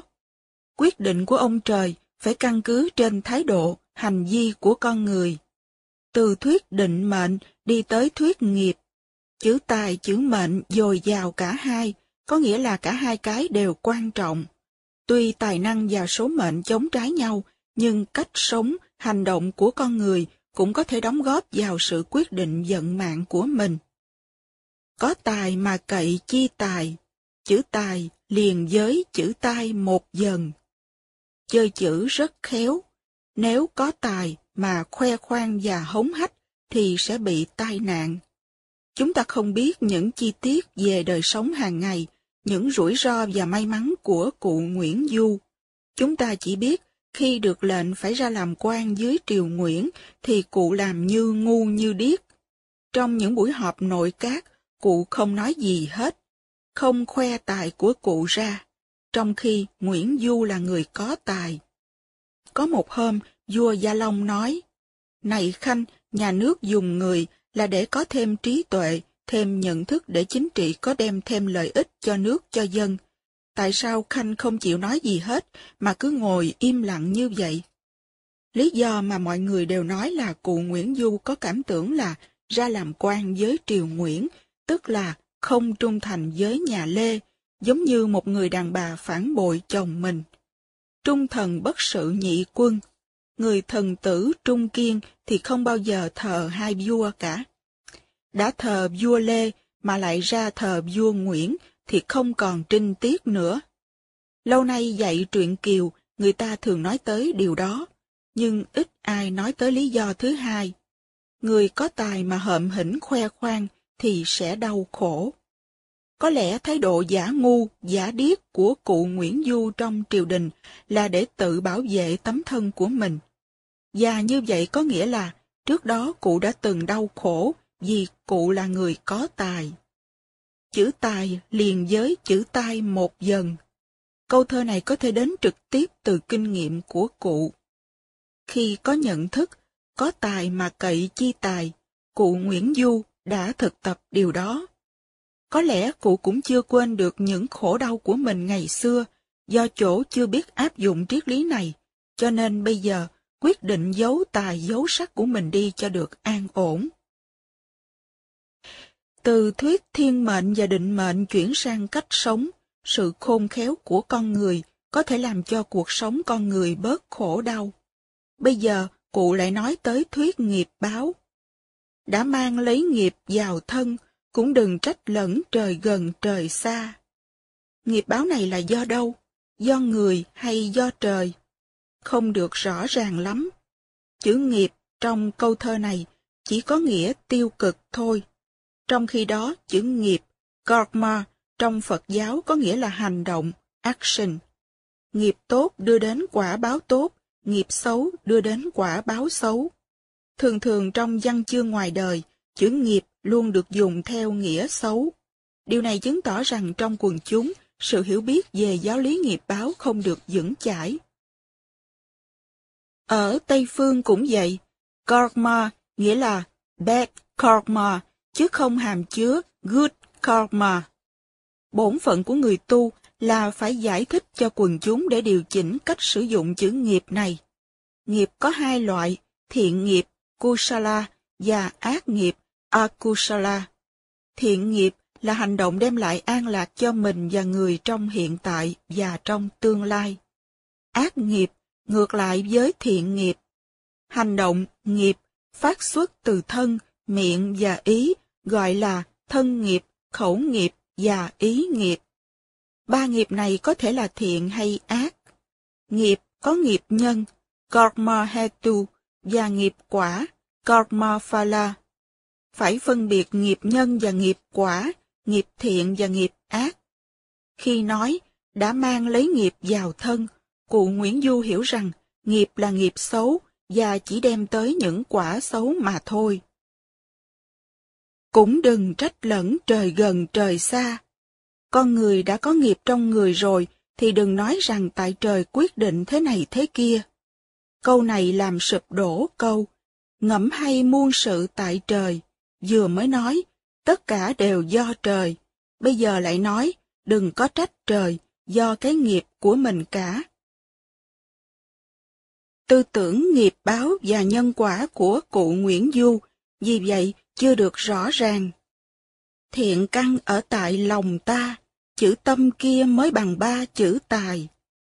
Căn là gốc rễ, thiện căn là gốc rễ của cái thiện. Thiện căn ở tại lòng ta, nghĩa là gốc rễ của cái thiện nằm ngay ở trong lòng mình, chứ không ở đâu xa. Chữ tâm kia mới bằng ba chữ tài. Tâm này là tâm gì? Tâm có tâm ác, tâm thiện, tâm chánh, tâm tà. Chữ tâm dùng trong này nghiêng về phía thiện. Thiện căn ở tại lòng ta. Chữ thiện căn, Kusala Mula là một danh từ thuần túy Phật học. Cụ Nguyễn Du đã được nghe, nhưng nhận thức của cụ chưa được hệ thống hóa. Cụ Nguyễn Du đã thấy trong lòng chúng ta có những hạt giống thiện. Chịu khó trở về dung tưới những hạt giống đó, thì tâm của chúng ta sẽ thiện, và ta sẽ được nhờ giả vào đó rất nhiều, vì chữ tâm kia mới bằng ba chữ tài. Nếu mình không có tài mà có thiện tâm thì mình vẫn có hạnh phúc, và hạnh phúc hơn những người có tài mà không có thiện tâm. Đó là triết lý của cụ Nguyễn Du. Trong đoạn này chúng ta thấy chữ nghiệp được dùng theo nghĩa nghiệp xấu, và chữ tâm dùng theo nghĩa thiện tâm. Cách dùng từ không được chính xác, vì nghiệp có thể là nghiệp lành hay nghiệp dữ. Tâm có thể là tâm xấu hay tâm tốt. Và nếu tâm mà xấu, thì chữ tâm đâu có thể bằng ba chữ tài được. Triết lý truyện kiều cũng được phát biểu qua lời bình phẩm và tiên đoán của nhân vật tam hợp đạo cô. Sau khi Thúy Kiều đã đền ân báo oán, sư chị giác duyên từ giả ra đi. Kiều xin sư chị ở nán lại thêm với mình. Nàng rằng thiên tải nhất thì, cố nhân đã dễ mấy khi bàn hoàng. Rồi đây bèo hợp mây tan, biết đâu hạt nội mây ngàn là đâu. Đây là một đoạn văn xác nhận thuyết định mệnh. Sư rằng cũng chẳng mấy lâu, trong năm năm lại gặp nhau đó mà. Nhớ ngày hành cước phương xa, gặp sư tam hợp vốn là tiên tri. Bảo cho hội ngộ chi kỳ, năm nay là một, nửa thì năm năm. Mới hay tiền định chẳng lầm, đã tin điều trước ác nhầm việc sau. Còn nhiều ân ái với nhau, cơ duyên nào đã hết đâu vội gì. Nàng rằng tiền định tiên tri, lời sư đã dạy ắt thì chẳng sai. Theo thuyết tiền định và định mệnh, thì những gì xảy ra trong đời mình đều đã được viết trước rồi. Chúng ta cứ việc đợi, đến lúc thì việc đó sẽ xảy ra. Nếu là người có khiếu tiên tri, nhìn cho kỹ thì có thể đoán trước được cái gì sẽ đến. Tất cả đã có sẵn, đã được quyết định trước. Như vậy thì chuyện tu hành có ích lợi gì đâu. Tu hay không tu thì nó cũng đã được quyết định sẵn rồi. Tại sao phải tu? Vấn đề được đặt ra là con người có tự do hay không? Con người có thể can thiệp vào mạng lưới của nhân quả để thay đổi hay không? Đạo Phật trả lời như thế nào? Hôm trước, bên trung tâm Tây Tạng, có người đặt câu hỏi vấn đề quyết định, làm thế nào để có một quyết định thông minh? Tôi trả lời, trước khi mình quyết định thì sự việc đã được quyết định rồi. Mình có cảm tưởng mình có tự do quyết định, ai dè tất cả đều đã được quyết định trước. Tôi đưa ra một ví dụ. Bữa đó tôi vào trong một gian hàng Nhật Bổn để mua một vuông lụa về cột mấy cuốn kinh mới thỉnh. Họ treo một dọc dài mấy trăm tấm có hình vẽ, màu sắc khác nhau. Mình đi chọn. Cô tiếp viên hỏi, thầy chọn cái nào? Tôi cười nói, tôi đâu có chọn, tôi để nó chọn tôi mà. Cô ta rất ngạc nhiên, nhưng sự thật là như vậy. Mình có cảm tưởng, ảo tưởng là mình có đầy đủ tự do, muốn chọn cái nào thì chọn. Kỳ thực, sự chọn lựa đã được hoàn tất từ bao giờ rồi. Khiếu thẩm mỹ của mình, giáo dục của mình, những hạt giống ông bà trao truyền, sự tu học của mình, cái thấy của mình về cái đẹp, cái trang nhã, tất cả những cái đó đều viết sẵn trong mình rồi. Mình trình diện ra trước những tấm khăn đó, khi đi ngang qua nó thì mình bị nó bắt. Cái gọi là tiếng sét ái tình cũng vậy. Tại sao có tiếng sét khi gặp anh đó hay cô đó mà không có tiếng sét khi gặp những người kia? Tại vì tất cả đã được quyết định trước. Con người thường có ảo tưởng là mình có tự do trong khi chọn lựa. Những người tin ở thuyết định mệnh và tiền định không có ảo tưởng nhiều về sự tự do của mình. Tôi còn nói thêm, ví dụ, có hai hoặc ba con đường chọn lựa, mình tưởng rằng chọn lầm một cái thì mình khổ suốt đời. Ngày xưa, nếu mình chọn đi con đường kia thì mình sẽ không khổ như bây giờ. Giả dụ có ba anh chàng mà mình bắt buộc phải chọn một làm chồng. Mình đã lớn rồi, cha mẹ buộc, mày phải chọn một trong ba đứa. Mình phân dân, chọn bừa anh chàng thứ hai, rồi đau khổ suốt đời. Mình nói, phải chi ngày xưa mình chọn anh chàng thứ nhất hay thứ ba thì chắc mình đã không đau khổ như thế này. Mình mà như thế thì chọn anh chàng nào mình cũng làm cho anh chàng ấy đau khổ mà thôi. Tâm mình chứa chất nhiều phiền não và u mê, thì sống ở Mỹ cũng khổ, ở Pháp cũng khổ, mà ở Anh cũng khổ. Không phải từ trại tị nạn xin đi được nước này hay nước khác thì mình có hạnh phúc. Mình thường nghĩ vì đã chọn con đường đó cho nên bây giờ mới có nhiều vấn đề. Biết vậy, ngày xưa mình đừng đi con đường này, đi con đường khác thì sẽ khá hơn. Đó là tự an ủi vậy mà thôi, chỉ là đứng núi này trong núi nọ. Thấy được điều này thì mình sẽ không có ảo tưởng nhiều về cái tự do của mình. Có nhiều người tin rằng mình không làm gì được hết. Mạng lưới nhân quả trùng trùng như vậy, quyết định hết rồi thì có dùng dãy cách nào cũng không thoát ra khỏi. Mình chỉ là nạn nhân. Sống như vậy thì rất đau khổ, chịu không nổi. Cho nên có thuyết ngược lại, chủ trương rằng con người có tự do, có ý chí tự do. Free will. Đứng về phương diện triết học, con người có tự do chọn lựa hay không? Khi hành động, mình có tự do trong hành động đó không? Hay những nguyên do từ quá khứ đã quyết định giùm mình rồi? Một số trong chúng ta đứng về phía tin tưởng rằng chúng ta có không gian, có tự do, nếu không thì đời sống không có ý nghĩa. Trong đạo Bụt, chúng ta học về mạng lưới trùng trùng nhân quả. Chúng ta thấy tự do của mình nằm ở chỗ nào? Bây giờ, chúng ta hãy tạm gác vấn đề lại. Hãy trở về truyện Kiều, đọc thêm một đoạn nữa từ câu 2653, khi sư chị từ giả sư em đi dân du và gặp lại tam hợp đạo cô, hỏi thêm về tương lai của nàng Kiều. Người sao hiếu nghĩa đủ đường, kiếp sau gặp những đoạn trường thế thôi. Đây là lời đạo cô tam hợp. Sư rằng phúc họa đạo trời, cội nguồn cũng ở lòng người mà ra.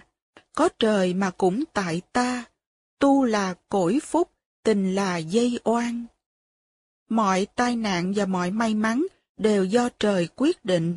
Tuy nhiên, cội nguồn cũng ở lòng người mà ra. Lý thuyết này phù hợp với những câu chúng ta đọc ở cuối truyện Kiều. Tuy rằng trời định, nhưng cội nguồn lại vẫn ở trong tâm của con người. Có trời mà cũng tại ta, tức là có hai yếu tố, trời, định mệnh và con người. Nếu đi xa hơn, chúng ta có thể nghĩ trời là cộng nghiệp và ta là biệt nghiệp. Cái gì xảy ra không phải chỉ do cá nhân và biệt nghiệp ta làm ra, mà cũng do cộng nghiệp làm ra. Ví dụ, ngồi trên máy bay, nếu máy bay cháy thì tất cả mọi người trên máy bay đều có thể chết, đó là cộng nghiệp. Nếu có một người thoát được không chết mà chỉ bị thương sơ sơ, đó là biệt nghiệp. Biệt nghiệp trong cộng nghiệp. Chữ trời ở đây có thể hiểu là cộng nghiệp, collective karma, và ta ở đây là biệt nghiệp, individual karma. Ta đang cùng ngồi ở làng Mai, nhưng chúng ta có cộng nghiệp làng Mai, do đó mới ngồi chung.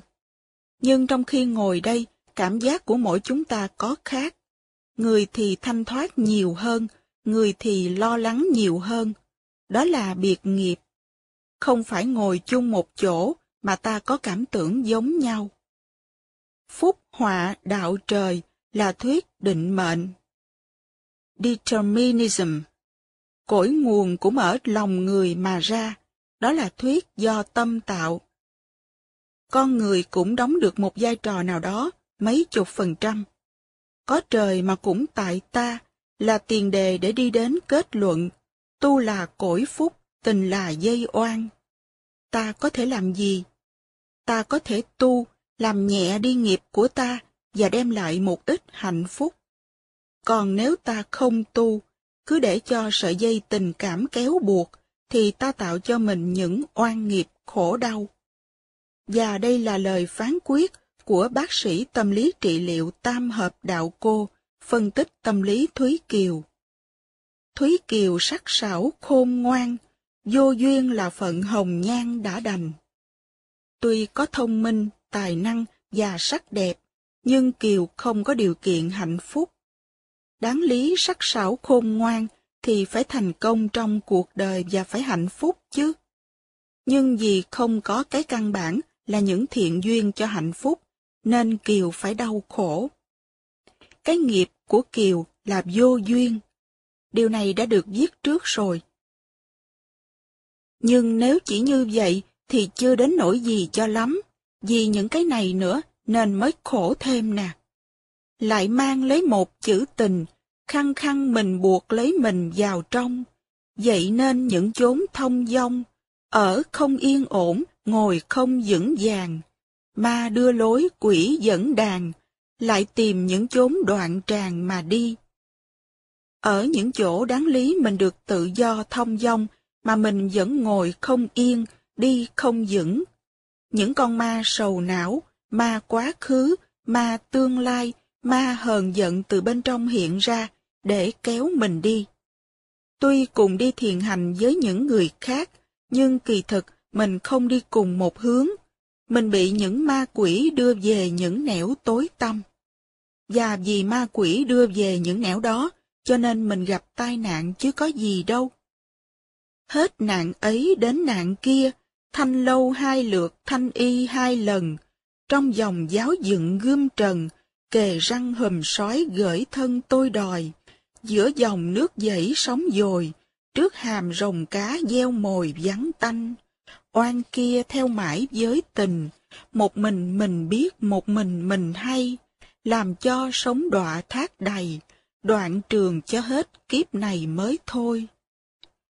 Đạo cô nói rằng Kiều sẽ khổ suốt đời. Đó là một lời kết án. Án này không phải chỉ do định mệnh tuyên đọc.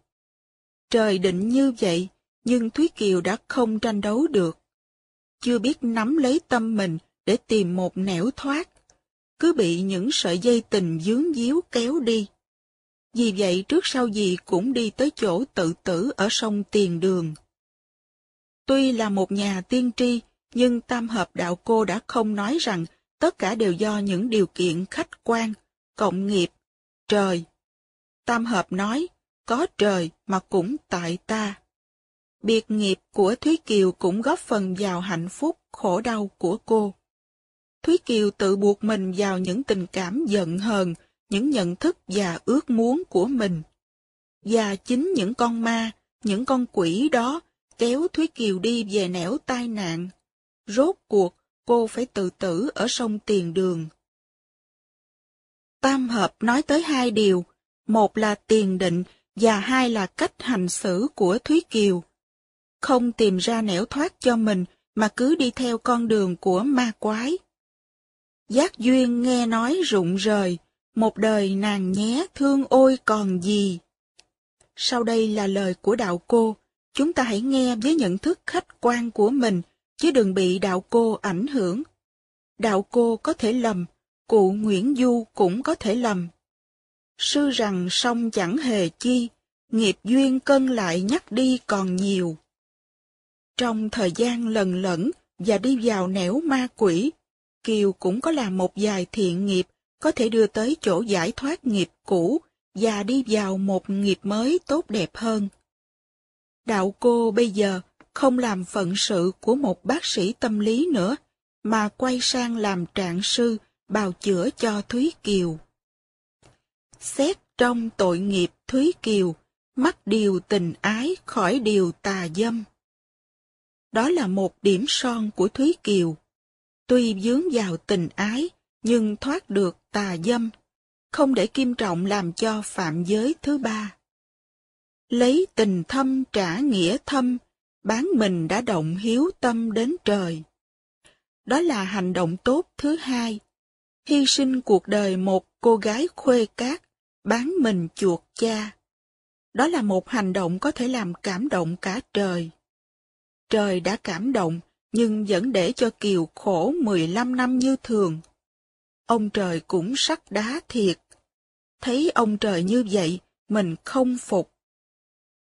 Ông người có thể là dễ chịu hơn. Những lý luận của đạo cô, chấp nhận hay không là do mình. Họ có một lý thuyết, họ lý luận để chứng minh lý thuyết của họ. Nhưng chứng minh đó hợp lý hay không là chuyện khác.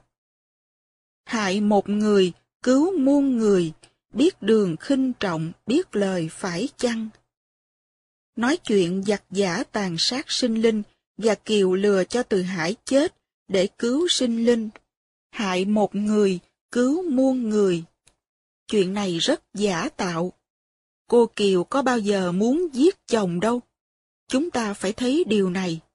Tam hợp đạo cô nói không đúng sự thật. Cụ Nguyễn Du không thấy điều đó, hoặc đã thấy, nhưng vì sơ sót nên cứ lặp lại như thường. Khi khuyên từ Hải về hàng, Kiều nói, ngàn năm ai có khen đâu hoàng sào, đống xương vô định đã cao bằng đầu, được làm vua, thua làm giặc. Thôi, anh đừng tiếp tục gây nạn đau binh nữa, không để tiếng tốt mà người ta chết nhiều, tội lắm. Anh về quy thuận triều đình đi, anh được làm quan lớn, mà em cũng được cơ hội đoàn tụ gia đình. Nói những câu đó là biết đường khinh trọng, biết lời phải chăng. Câu này đúng, nhưng hại một người cứu muôn người thì không đúng. Ở câu 2550, Kiều nói rất thật, rằng từ là đấng anh hùng, dọc ngang trời rộng dãy dùng bể khơi.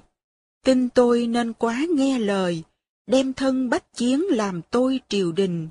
Ngỡ là phu quý phụ vinh, ai ngờ một phút tan tành thịt xương. Năm năm trời bể ngang tàn, dẫn mình đi bỏ chiến trường như không. Khéo khuyên kể lấy làm công, kể bao nhiêu lại đau lòng bấy nhiêu. Đừng nói là tôi có công, nói tôi có công là tôi đau khổ lắm. Kiều nói rất đúng, rất hay. Nhưng hai câu này thì lại không đúng, không hay gì hết. Xét mình công ít, tội nhiều, sống thừa tôi đã nên liều mình tôi. Công nhận là mình có công, dù là công ít. Không đúng, công gì? Công giết oan chồng hay công gì? Trước khi gieo mình xuống sông Tiền Đường, từ câu 2629, Kiều than. Giết chồng mà lại lấy chồng, mặt nào mà lại đứng trong cõi đời. Giết chồng ở đây không phải là cố ý giết. Cố vấn cho anh chàng, nhưng cố vấn không hay nên anh chàng bị giết. Cái mặt cảm giết chồng này có thể chấp nhận được.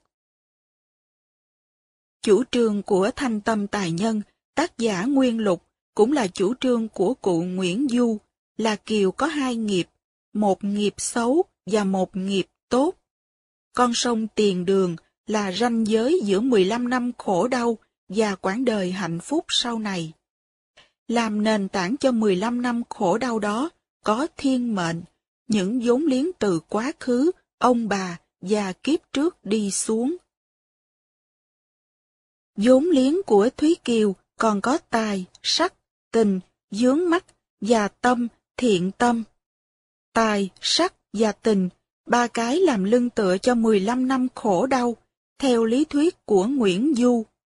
Nhưng cái tâm tốt, đồng thời cũng tạo ra được vài thiện nghiệp, giữ giới không tà dâm, bán mình cứu cha và giết từ hải để cứu muôn dân khỏi nạn can qua. Nhờ tâm giữ giới, tâm hiếu và tâm từ bi này mà thiện nghiệp tạo ra được giai đoạn thứ hai của đời Kiều, giai đoạn tu hành với sư chị và chuyển hóa được cho gia đình. Đó là phân tích của cụ Nguyễn Du và của đạo cô Tam Hợp. Đạo cô Tam Hợp là lý thuyết gia mà tác giả Nguyên Lục và cụ Nguyễn Du đã đi theo. Tuy mỗi tác giả có thay đổi đôi chút trong khi trình bày cuộc đời Thúy Kiều, nhưng đại khái thì cả hai vẫn đi theo cách phân tích của đạo cô Tam Hợp. Thuyết âm dương, âm cực dương hồi sẵn có của Đông Phương cũng đã được nói tới. Âm là negative energy, đau khổ, âm cực, khi tới chỗ cùng cực thì hạnh phúc được sinh ra, dương hồi. Âm cực của cuộc đời Thúy Kiều là khi tới sông Tiền Đường. Chúng ta cũng thấy lý thuyết nhân quả trong truyện. Tuy có nghiệp quá khứ hay thiên định, nhưng không phải cái khối nghiệp của quá khứ và của tiền định đó chịu trách nhiệm hoàn toàn về 15 năm đau khổ. Thúy Kiều cũng có trách nhiệm. Tài sắc và tình của cô ràng buộc làm cho cô cứ đi theo riêu riếu mà không mở ra được con đường để mau thoát khỏi dòng dây. Điều đó được cực tả trong câu, ma đưa lối, quỷ dẫn đàn, lại tìm những chốn đoạn tràng mà đi. Cố nhiên, khi bước vào những chốn như thanh lâu hay quân đội, thì mình bị kéo theo, đau khổ đã đành rồi. Nhưng khi được bước vào những hoàn cảnh thanh thản như ở chùa mà mình vẫn không an lạc. Không có khả năng an lạc. Bởi vì mình vẫn khư khư giữ lấy ba cái tài, sắc, tình và không nắm vững được cái tâm tu học để chuyển hóa, thoát khỏi dòng dây. Thay vì đau khổ có thể chỉ là 10 năm mà lại kéo tới 15 năm. 15 năm đó do thiên mệnh tạo ra, mà cũng do Thúy Kiều một phần nào đó tạo ra. Có trời mà cũng tại ta, tu là cõi phúc, tình là dây oan. Thúy Kiều tu được ba chuyện, còn bao nhiêu chuyện khác đều là tình hết. Nhưng nhờ có tu ba chuyện nên mới tạo ra được giai đoạn sau. Chúng ta đã đọc truyện Kiều. Chúng ta thấy giác duyên là một yếu tố rất đặc biệt đưa tới sự chuyển hóa của đời Kiều. Ai đưa giác duyên tới cho Thúy Kiều? Kiều đi tìm mới gặp giác duyên, hay giác duyên là một điều tiền định đã có sẵn. Giác duyên tức là những điều kiện để bừng tỉnh. Giác duyên không phải chỉ là một con người. Giác duyên là tất cả những điều kiện có tác dụng làm cho mình thức dậy, biết rằng mình đang làm cái đó, đang đi con đường của ma quỷ. Những điều kiện đó do ai tạo ra? Cách đây 2.600 năm, có một người ngồi dưới gốc cây bồ đề và đã giác ngộ. Người đó đã truyền lại cho nhân loại những tia sáng của chánh niệm. Một tia hào quang đã được phóng về 2.500 năm sau cho Thúy Kiều. Người mang hào quang đó là một sư cô. Tia hào quang từ cội bồ đề là một trong những yếu tố khiến cho Thúy Kiều có thể chuyển hóa được vận mệnh của mình. Nhưng những điều kiện để được bừng tỉnh có thể là bất cứ điều kiện nào. Ví dụ như những khổ đau cùng cực của Thúy Kiều. Khi mình thấy mình khổ nhiều quá, thì tự nhiên mình có thể bừng tỉnh được. Có những người khổ mà không bừng tỉnh được, nhưng có những người khổ bừng tỉnh được. Không phải ánh sáng giác ngộ từ cây bồ đề là điều kiện duy nhất giúp mình bừng tỉnh. Những đau khổ trong dòng trầm luân cũng có thể giúp mình tỉnh dậy. Nếu không có kinh nghiệm trực tiếp từ những đau khổ đó, thì ánh sáng kia có thể không đủ để làm mình tỉnh dậy. Phải khốn khổ mới học hiểu được. Có những người sinh ra là tự nhiên biết, gọi là sinh nhi tri. Có những người phải học mới biết, gọi là học nhi tri. Có những người phải đau khổ mới biết, gọi là khổ nhi tri. Phải cùng khốn mới hiểu được. Đó là một trong những điều kiện để bừng tỉnh. Giác duyên là một người tượng trưng cho những điều kiện đó đến với Kiều. Giác duyên nằm ở chỗ nào?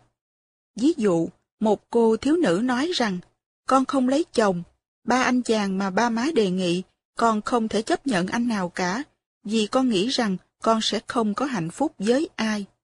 Con đi tu, con đề nghị một giải pháp thứ tư. Theo nguyên tắc thì giải pháp thứ tư cũng vậy thôi. Dù chọn người thứ tư hay thứ ba, nhưng nếu con người anh cứ như vậy, thì anh cũng vẫn còn đau khổ. Anh đi tu, anh cũng có thể đau khổ như thường. Phải vậy không? Nhưng khi đi tu, thì anh có một điều kiện mới mà giải pháp một, hai, ba không có. Tuy anh vẫn còn y nguyên là con người của anh, nhưng khi đi tu, anh được đặt vào một khung cảnh khác mà anh không có khi anh cưới người thứ nhất, thứ hai hay thứ ba. Anh sống với tăng thân. Tăng thân không phải là một ông chồng giống như ba anh chàng kia. Tăng thân ở đây là một môi trường có thể gọi là giác duyên, tức là những điều kiện để cho mình tỉnh thức. Nếu bốn cái giống hệt như nhau và anh quyết định với những nội kết của anh, thì anh có thể vẫn đau khổ như nhau. Nhưng trong trường hợp thứ tư, anh có giác duyên. Một tia sáng của Bụt chiếu tới từ 2.600 năm trước, cho nên anh có cơ hội để thoát. Tự do và giải thoát nằm ở chỗ giác duyên. Nếu chúng ta thoát được màn lưới của nghiệp báo, đó là nhờ những tia hào quang phóng tới từ những người giải thoát. Thuyết định mệnh chúng ta có thể thấy trong ba lĩnh vực. Lĩnh vực thứ nhất là đời sống thông thường. Trong đời sống thông thường, chúng ta đặt câu hỏi, có định mệnh hay không? Ta có nên dâng theo hay không? Nếu dâng theo thuyết định mệnh, thì chúng ta thấy rã rời, không có không gian thanh thang. Và nếu còn trẻ, chúng ta muốn phấn đấu, chống lại định mệnh. Vì vậy có hai phe, một phe định mệnh và một phe chống lại định mệnh. Lĩnh vực thứ hai là trong phạm vi khoa học. Trong phạm vi khoa học thì chữ determinism có nghĩa rất rõ ràng là nếu cùng những điều kiện như vậy thì thế nào cũng đi tới những kết quả như vậy. Ví dụ, làm đậu hũ mà đúng theo những phương thức A, B, C, D thì thế nào cũng có đậu hũ để ăn. Nhưng thỉnh thoảng không biết tại sao chúng ta làm giống hệt như vậy, mà đậu hũ lại ra hơi khác. Trong lĩnh vực khoa học, nhất là lĩnh vực khoa học nguyên tử, chuyện này xảy ra rất thường. Tất cả điều kiện hội đủ rồi, mà kết quả lại khác. Luật xác suất cũng do khoa học tìm ra. Cố nhiên đạo học cũng đã tìm ra, cho phép có những kẻ hở. Kết quả có thể xảy ra khác, mặc dù có cùng những điều kiện. Trong khi những nhà bác học nguyên tử quan sát những vật thể li ti, chất điểm hay điện tử, họ dùng trí tuệ và nhận thức của mình để quán chiếu và ảnh hưởng được đối tượng của sự nghiên cứu. Có sự tham dự của tâm con người vào thì sự thực có thể biến dạng đi. Khi cần nhìn vào một vật thể li ti để quan sát, người ta cần phải chiếu ánh sáng vào. Vật thể di tế là một loại năng lượng, ánh sáng cũng là một loại năng lượng. Khi ánh sáng chiếu vào thì vật thể đó đã thay đổi rồi. Tâm thức cũng là năng lượng. Khi dùng tâm để quán chiếu vào điện tử thì trong bản chất của điện tử cũng có sự thay đổi. Tâm của nhà khoa học có ảnh hưởng tới sự thật gọi là khách quan của thế giới nguyên tử vật chất. Vì vậy, luật xác suất tới bổ túc cho luật định mệnh nói rằng không hẳn bao giờ những điều kiện như nhau cũng đưa tới kết quả như nhau. Điều này đã được chứng minh bằng khoa học.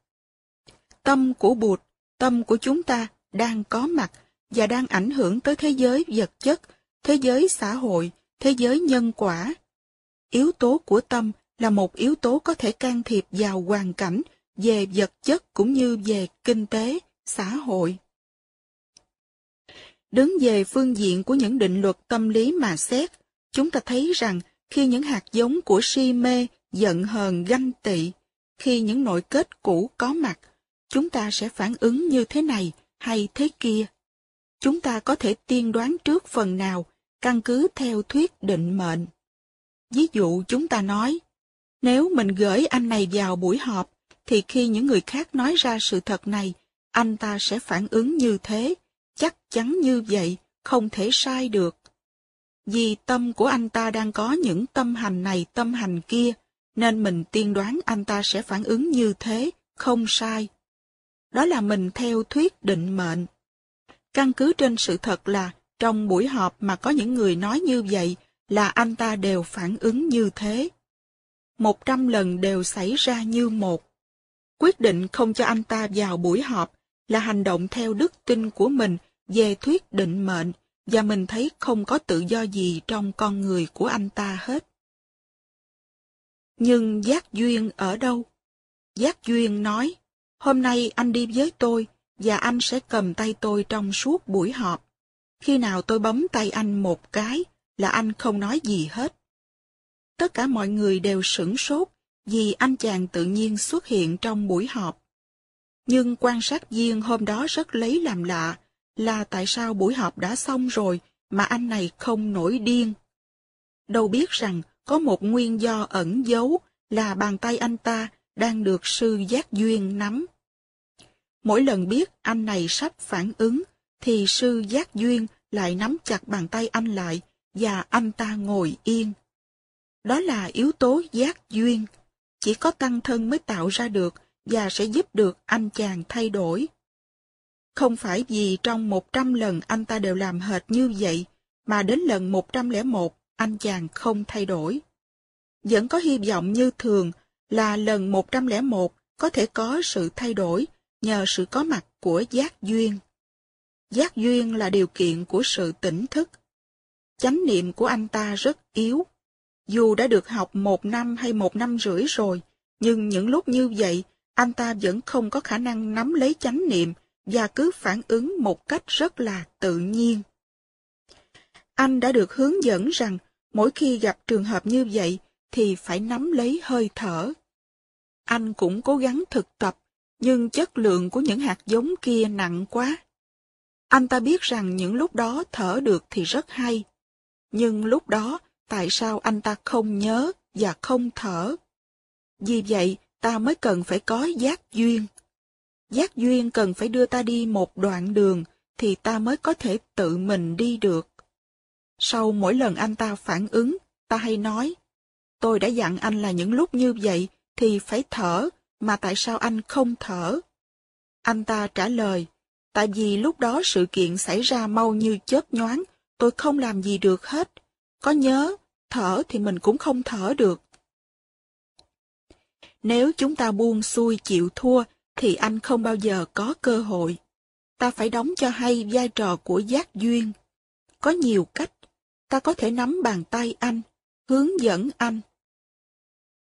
Ban đầu, anh ta ngưng được không phải là do tự điều phục bằng hơi thở, mà nhờ có một lời giao ước với mình là khi mình siết chặt tay anh thì anh dừng lại. Sự xuất hiện của giác duyên trong đời Thúy Kiều là sự xuất hiện của Bụt, và cũng nhờ Thúy Kiều đã đau khổ, chạm đến đáy vực thẳm, cho nên cái nắm tay của giác duyên càng có hiệu nghiệm. Truyện Kiều không nói rõ điều đó. Sự chuyển nghiệp là do công phu tu tập và do tăng thân, do sự hướng dẫn, chứ không phải là do chỉ làm được ba việc mà tam hợp diện dẫn. Không để kim trọng lớn tới, bán mình và giết từ hải. Trạng sư tam hợp nói, sở dĩ Thúy Kiều thoát được nghiệp xấu là nhờ có ba thiện căn đó. Chúng ta thấy lý do đó không đầy đủ. Nói rằng bán mình đã động hiếu tâm đến trời.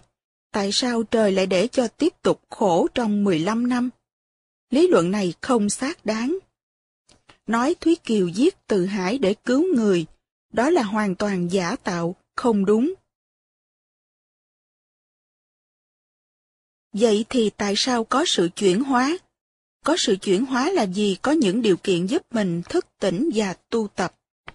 Sự tu tập với giác duyên trước và sau khi tự tử đưa tới sự chuyển hóa của Thúy Kiều sau này. Chánh niệm là nẻo thoát. Trong báo giác ngộ vừa rồi, có bài của một bà Phật tử vào khoảng 70 tuổi ở Huế. Tháng 6 năm 1993.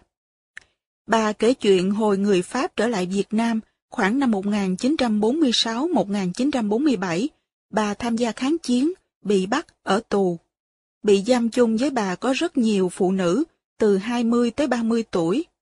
Ngày đầu tiên bà cũng có tâm trạng giống hệt như những người nữ tù khác. Đêm đó, trong khi mọi người thầm thì tâm sự, thì bà quay mặt vào góc tường khóc. Khóc một hồi thì thấy có một bàn tay để trên vai. Một thiếu nữ 20 tuổi cho bà một miếng kẹo mè sững, nói, Chị đừng khóc nữa, để dành sức, con đường còn dài, em đã bị tra điện tới năm mươi mấy lần rồi, nhưng em vẫn còn sống sót được. Bà cảm thấy rất an ủi khi gặp cô thiếu nữ đó. Sau đó bà được phóng thích.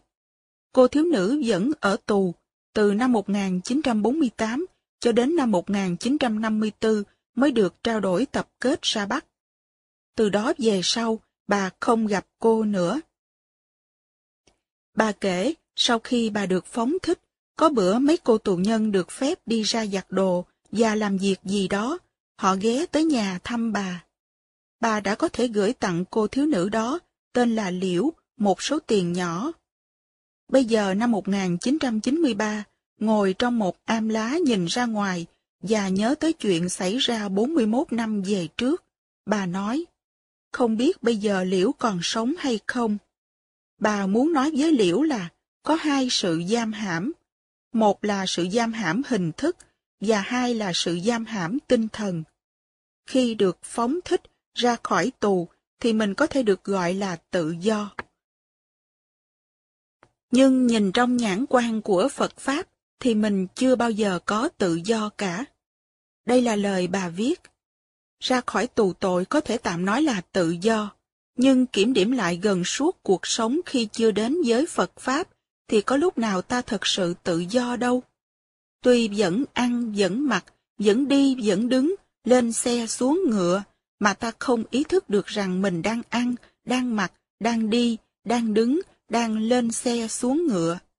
Cứ để cho cái ngã chấp và cái kiến chấp hành hạ và trói buộc, thì có khác gì mình đang ở tù. Ở tù trong cái thất niệm. Mình bị mạng lưới của nhân quả kéo theo. Mình không có một chút tự do nào cả. Dù đã được thả khỏi tù, có quyền đi chợ, vào bếp, ra bờ sông, làm đủ mọi thứ, nhưng mình vẫn dâng theo mạng lưới của nhân quả. Nó đẩy mình đi tới đâu, thì mình đi tới đó thôi. Mình thật sự không có tự do. Ta hãy đọc lại lời bà viết. Tuy vẫn ăn, vẫn mặc, vẫn đi, vẫn đứng, vẫn lên xe xuống ngựa, mà ta không ý thức được rằng mình đang ăn, đang mặc, đang đi, đang đứng, đang lên xe xuống ngựa. Cứ để cho cái ngã chấp và ngã kiến hành hạ và trói buộc, thì có khác gì mình đang ở tù. Ngã chấp, kiến chấp đó là những ma đưa lối, quỷ dẫn đường trong truyện kiều. Hoàn toàn sống như là một nạn nhân của những tập khí từ trước, những nghiệp cũ. Bà ta viết tiếp, nếu chúng ta hiểu rằng sự sống nằm trong giây phút hiện tại, trong sự thức tỉnh, tiếp xúc với thực tại và biết tiếp tục nuôi dưỡng ý thức tiếp xúc đó là chúng ta đã được tự do. Theo ý bà, khi mình sống có chánh niệm, đi biết là đi, đứng biết là đứng, ngồi biết là ngồi, nằm biết là nằm, thì lúc đó mình bắt đầu nắm được diền mối của tự do. Còn nếu không, thì ta vẫn còn đang đi theo sự chỉ dẫn và sai sử của tà dục, tà kiến, kiến chấp và ngã chấp. Đó là những kiết sử. Samyojana, còn gọi là nội kết. Những cái đó đã có sẵn trong lòng mình, nội, kết lại thành khối, kết, và sai sử mình làm cái này cái khác. Mình đâu có tự do, mình ưa cái đó, ghét cái kia là vì những ưa ghét đó đã được quyết định sẵn trong tâm thức mình rồi. Tất cả đều do nội kết của mình sai sử. Giây phút bắt đầu nắm lấy chánh niệm, đi thì biết mình đi, đứng thì biết mình đứng, lúc đó mình mới bắt đầu có một chút tự do. Ồ, tôi đang ăn ớt, và tôi biết rằng tôi đang ăn ớt. Dù biết rằng ăn ớt không tốt cho ruột của tôi, mà tôi vẫn ăn.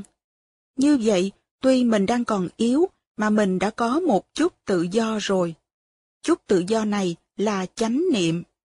Nếu cứ nắm lấy chánh niệm đó mà đi tới, thì một ngày kia mình sẽ không nói, cho tôi xin một viên thuốc độc nữa.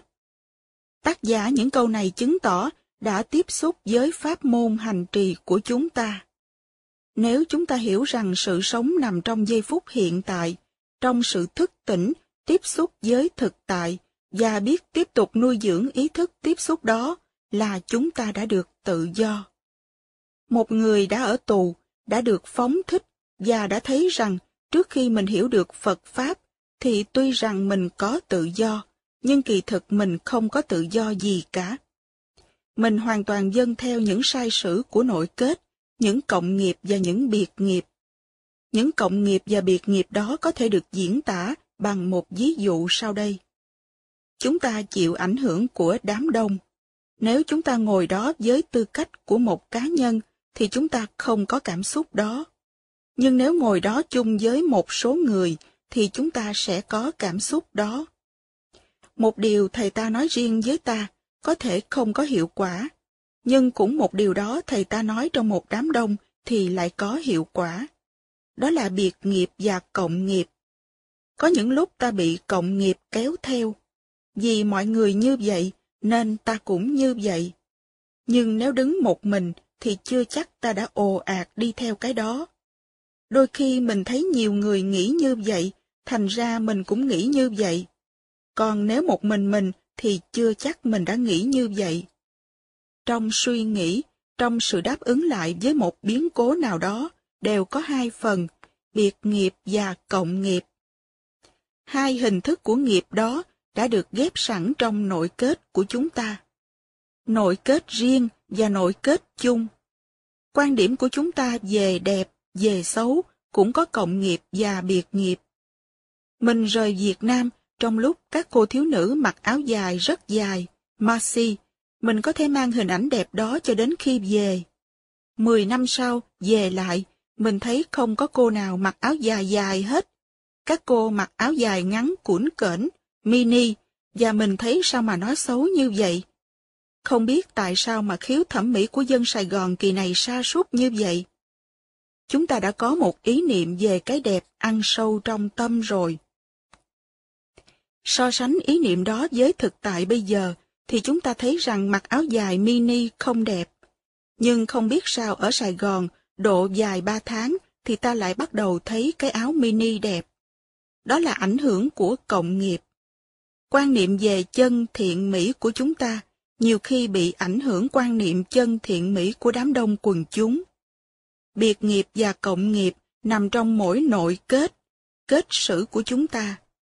Nếu chúng ta sống bình thường, nghĩa là sống không chánh niệm, thì khi đi, đứng, nói, cười, làm việc, ăn uống, chúng ta chỉ theo nghiệp mà đi thôi. Chúng ta không có một chút tự do nào cả, hoàn toàn đi theo định mệnh. Chỉ trừ khi nào có một giác duyên xuất hiện, chỉ trừ khi nào có một tia sáng của cây bồ đề chiếu tới, chạm vào người ta. Cố nhiên tia sáng đó cũng là định mệnh. Tia sáng đó tới với tất cả mọi người, nhưng chính lúc đó mình chạm được mà người khác không chạm được. Cũng trong một bài pháp thoại mà có người bừng tỉnh trong khi nghe, có người không bừng tỉnh trong khi nghe. Chưa tỉnh là tại vì chưa chính những điều kiện của sự tỉnh thức chưa có, giác duyên chưa thực sự có mặt. Tu hành có nghĩa là phát khởi chánh niệm, đi thì biết là đi, đứng thì biết là đứng, khổ thì biết rằng đang khổ. Tuy rằng đang khổ, nhưng đã bắt đầu thấy được, bắt đầu mình là mình, mình có cái nhân cách của mình, mình bắt đầu có chút ít tự do. Không có hạnh phúc chân chính nào mà không được thiết lập trên tự do. Nếu không có tự do thì không thực sự có hạnh phúc. Tự do chỉ có được khi mình chống lại được giới định mệnh. Địch lại được với định mệnh, chọc thủng được mạng lưới của nhân quả là chỉ khi nào mình có chánh niệm mà thôi. Ngồi thiền, đi thiền hành, bước những bước chậm rãi thảnh thơi, làm chủ được chính mình. Lúc khóc biết mình khóc, lúc buồn biết mình buồn. Chánh niệm chiếu vào, chứng tỏ rằng mình bắt đầu có một ít tự do. Cái tự do đó, ban đầu ít lắm, mong manh như sợi chỉ. Nhưng nếu mình thực tập, thì sợi chỉ đó càng ngày càng chắc, càng lớn. Ban đầu, cái khoảng trống để cho mình có thể sử dụng chủ quyền rất hẹp. Giống như anh chàng sắp nổi khùng, không có bàn tay của giác duyên cầm lấy và nắm chặt, thì anh chàng đã bùng nổ lên rồi. Anh chàng rất yếu đuối. Cơ hội để thành công rất nhỏ lúc bắt đầu. Nhưng không thể có con đường nào khác hơn là đi thì phải biết mình đang đi, đứng thì phải biết mình đang đứng, uống nước thì phải biết là mình đang uống nước, đang buồn thì biết là mình đang buồn, đang khổ thì biết là mình đang khổ, đang tự làm mình buồn thì biết mình đang tự làm mình buồn. Chánh niệm đó là ánh sáng của tự do. Thiên hạ nói tới tự do, tranh đấu cho tự do, chẳng qua chỉ là những tự do về xã hội, kinh tế, này kia kia nọ mà thôi. Nhưng dù có được những tự do đó, người ta vẫn đau khổ như thường. Họ có hộ chiếu, passport, muốn đi đâu cũng được, nhưng họ không đi đâu hết. Họ tự tử. Tự do đó họ đâu có sử dụng được. Trong khi đó, một người trong trại học tập cải tạo, đang ở tù mà biết thiền hành, thiền tọa, quán chiếu, tiếp xúc với những mầu nhiệm của sự sống, thì người đó có tự do, có hạnh phúc hơn những người kia. Đứng về phương diện thực tập giáo lý mà xét, thì tất cả chúng ta đều đang bị tóm trong cái lưới của nhân quả, định mệnh. Con đường duy nhất để thoát khỏi mạng lưới đó là chánh niệm. Chánh niệm có thể do những điều kiện của sự tỉnh thức đưa tới. Chúng ta có thể làm được gì để nuôi dưỡng khả năng và cơ hội đó? Đó là nương tựa tăng. Nương tựa tăng tức là biết rằng tăng thân là môi trường duy nhất có thể giúp ta nuôi dưỡng chánh niệm đó. Nếu chánh niệm đó mà tắt, thì muôn ngàn đời ta sẽ giam hãm mình trong mạng lưới của nhân quả và định mệnh. Làm sao để tiếp xúc được với giác duyên, đó là việc quan trọng nhất. Ban đầu, ở bên cạnh giác duyên, ta có thể rất đau khổ. Ở những chốn thông dong, ta vẫn ở không yên ổn, ngồi không vững vàng. Nhưng phải nắm lấy tay giác duyên, nắm lấy hoàn cảnh thuận lợi đó.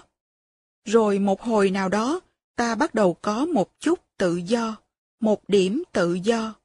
Và nếu nắm bắt lấy điểm tự do đó mà đi tới, thì tự do đó sẽ lớn lên bằng hột bắp, rồi từ từ bằng hột điều. Chỉ có cách đó thôi. Lúc đó con người mới có không gian, không gian thênh thang. Có không gian thì mới sống hạnh phúc được.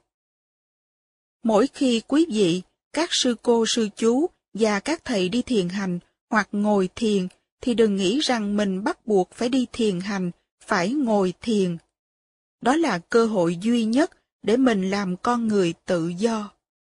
Khi có chánh niệm là mình có cơ hội duy nhất để có tự do, để sống như một người tự do. Nếu trong khi đi thiền hành mà ta bước những bước chân không chánh niệm, thì tức là ta không tha thiết đến tự do của mình. Ta không thấy sự quý giá của không gian. Con người sống không có không gian, thì con người đó là một kẻ nô lệ. Chánh niệm cũng như bất cứ một sinh vật nào khác phải được nuôi dưỡng. Nếu Thúy Kiều, nếu sư em mà không có tăng thân nuôi dưỡng, không tạo lập những điều kiện của tăng thân, thì vốn liếng của chánh niệm, của hạnh phúc đã đạt được sẽ biến mất từ từ. Sự thiết lập liên hệ với sư chị rất quan trọng. Sư chị phải có đó, sư em mới có thể đi xa được. Sư chị có đó dưới mọi hình thức, chứ không phải chỉ với hình thức của một ni cô trong chùa mà thôi. Dựng tăng Shanghai Building là một công trình tiếp nối bụt, làm cho những con người mất tự do có một cơ hội. Tiếp xúc được với một tăng thân tu học là có một cơ hội để giải thoát ra khỏi biển khổ trầm luân. Thuyết định mệnh, dù muốn hay không, vẫn đè nặng trên tâm tư mình. Nhiều khi mình thấy bất lực, tất cả đều như được sắp đặt hết rồi, và mình chỉ có dân theo thôi. Khổ là tại số mình như vậy, ráng chịu.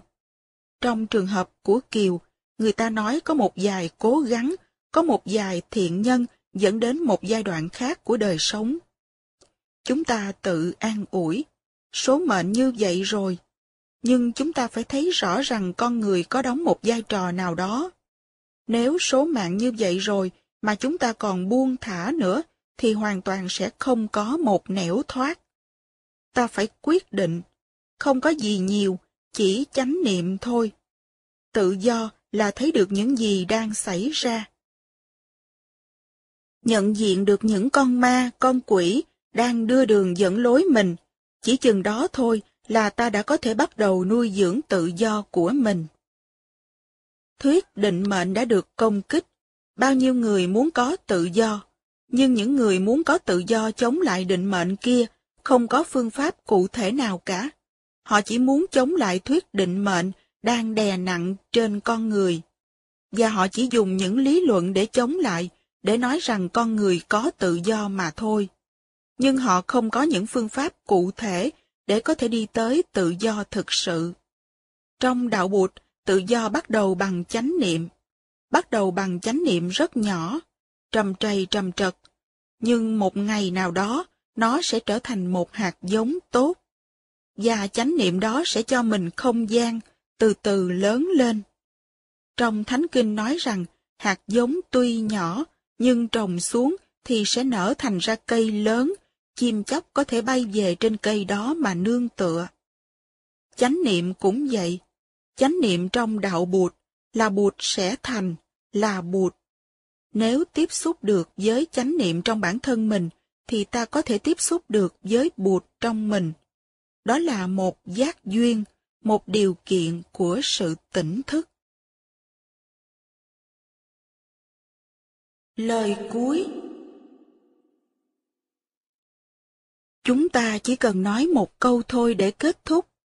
Đứng về phương diện văn chương, tâm lý, tả tình, tả cảnh, nhất là tả tình, thì truyện kiều của Nguyễn Du là một tác phẩm tuyệt hảo, không chê vào đâu được. Tác giả nói, lời quê chấp nhặt dông dài, nhưng tác phẩm không dông dài, không quê chút nào. Ngược lại, rất thanh tú, rất mỹ lệ. Chỉ có một điều, quan niệm, kiến thức Phật học của Nguyễn Du lúc đó chưa uyên bác lắm. Quan niệm về nghiệp còn mù mờ, chất phát. Có những học giả viết về những đề tài như triết lý Phật học trong truyện Kiều, thì triết lý Phật học trong truyện Kiều rất mù mờ, chen lẫn với thuyết định mệnh và quan niệm tài mệnh tương đố. Tuy nhiên điều đó không có nghĩa là cụ Nguyễn Du không có tuệ giác đạo bụt.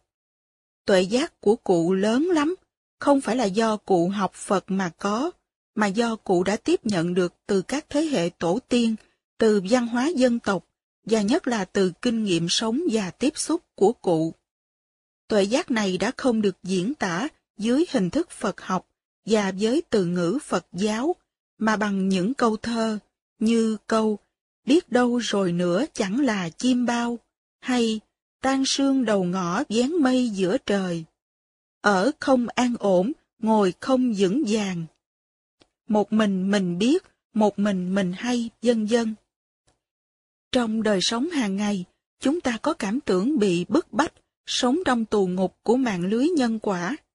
Chúng ta không có không gian để thở. Những nhà triết học cũng có cảm tưởng đó, vì họ thường suy nghĩ nhiều về kiếp người, về số phận con người. Nhưng mỗi khi chúng ta thực tập chánh niệm, thở vào thở ra có chánh niệm, thì chúng ta tự nhiên thấy có không gian. Chúng ta có cảm tưởng mình đang có một chút ít tự do. Và nếu chúng ta tiếp tục, thì tự do càng lúc càng lớn. Chúng ta cảm thấy thoải mái.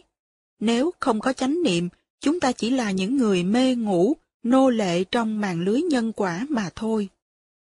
Những giờ phút thiền hành, thiền tọa, ăn cơm im lặng, uống trà im lặng của quý vị là những tặng phẩm quý nhất cuộc đời có thể hiến tặng cho mình. Đừng cho đó là những sự bắt buộc. Sống trong một tăng thân, những giây phút được đi chậm chậm với nhau, ngồi uống trà im lặng với nhau, ngồi thiền với nhau, đó là hạnh phúc chân thật của mình. Phải thấy được những điều như vậy.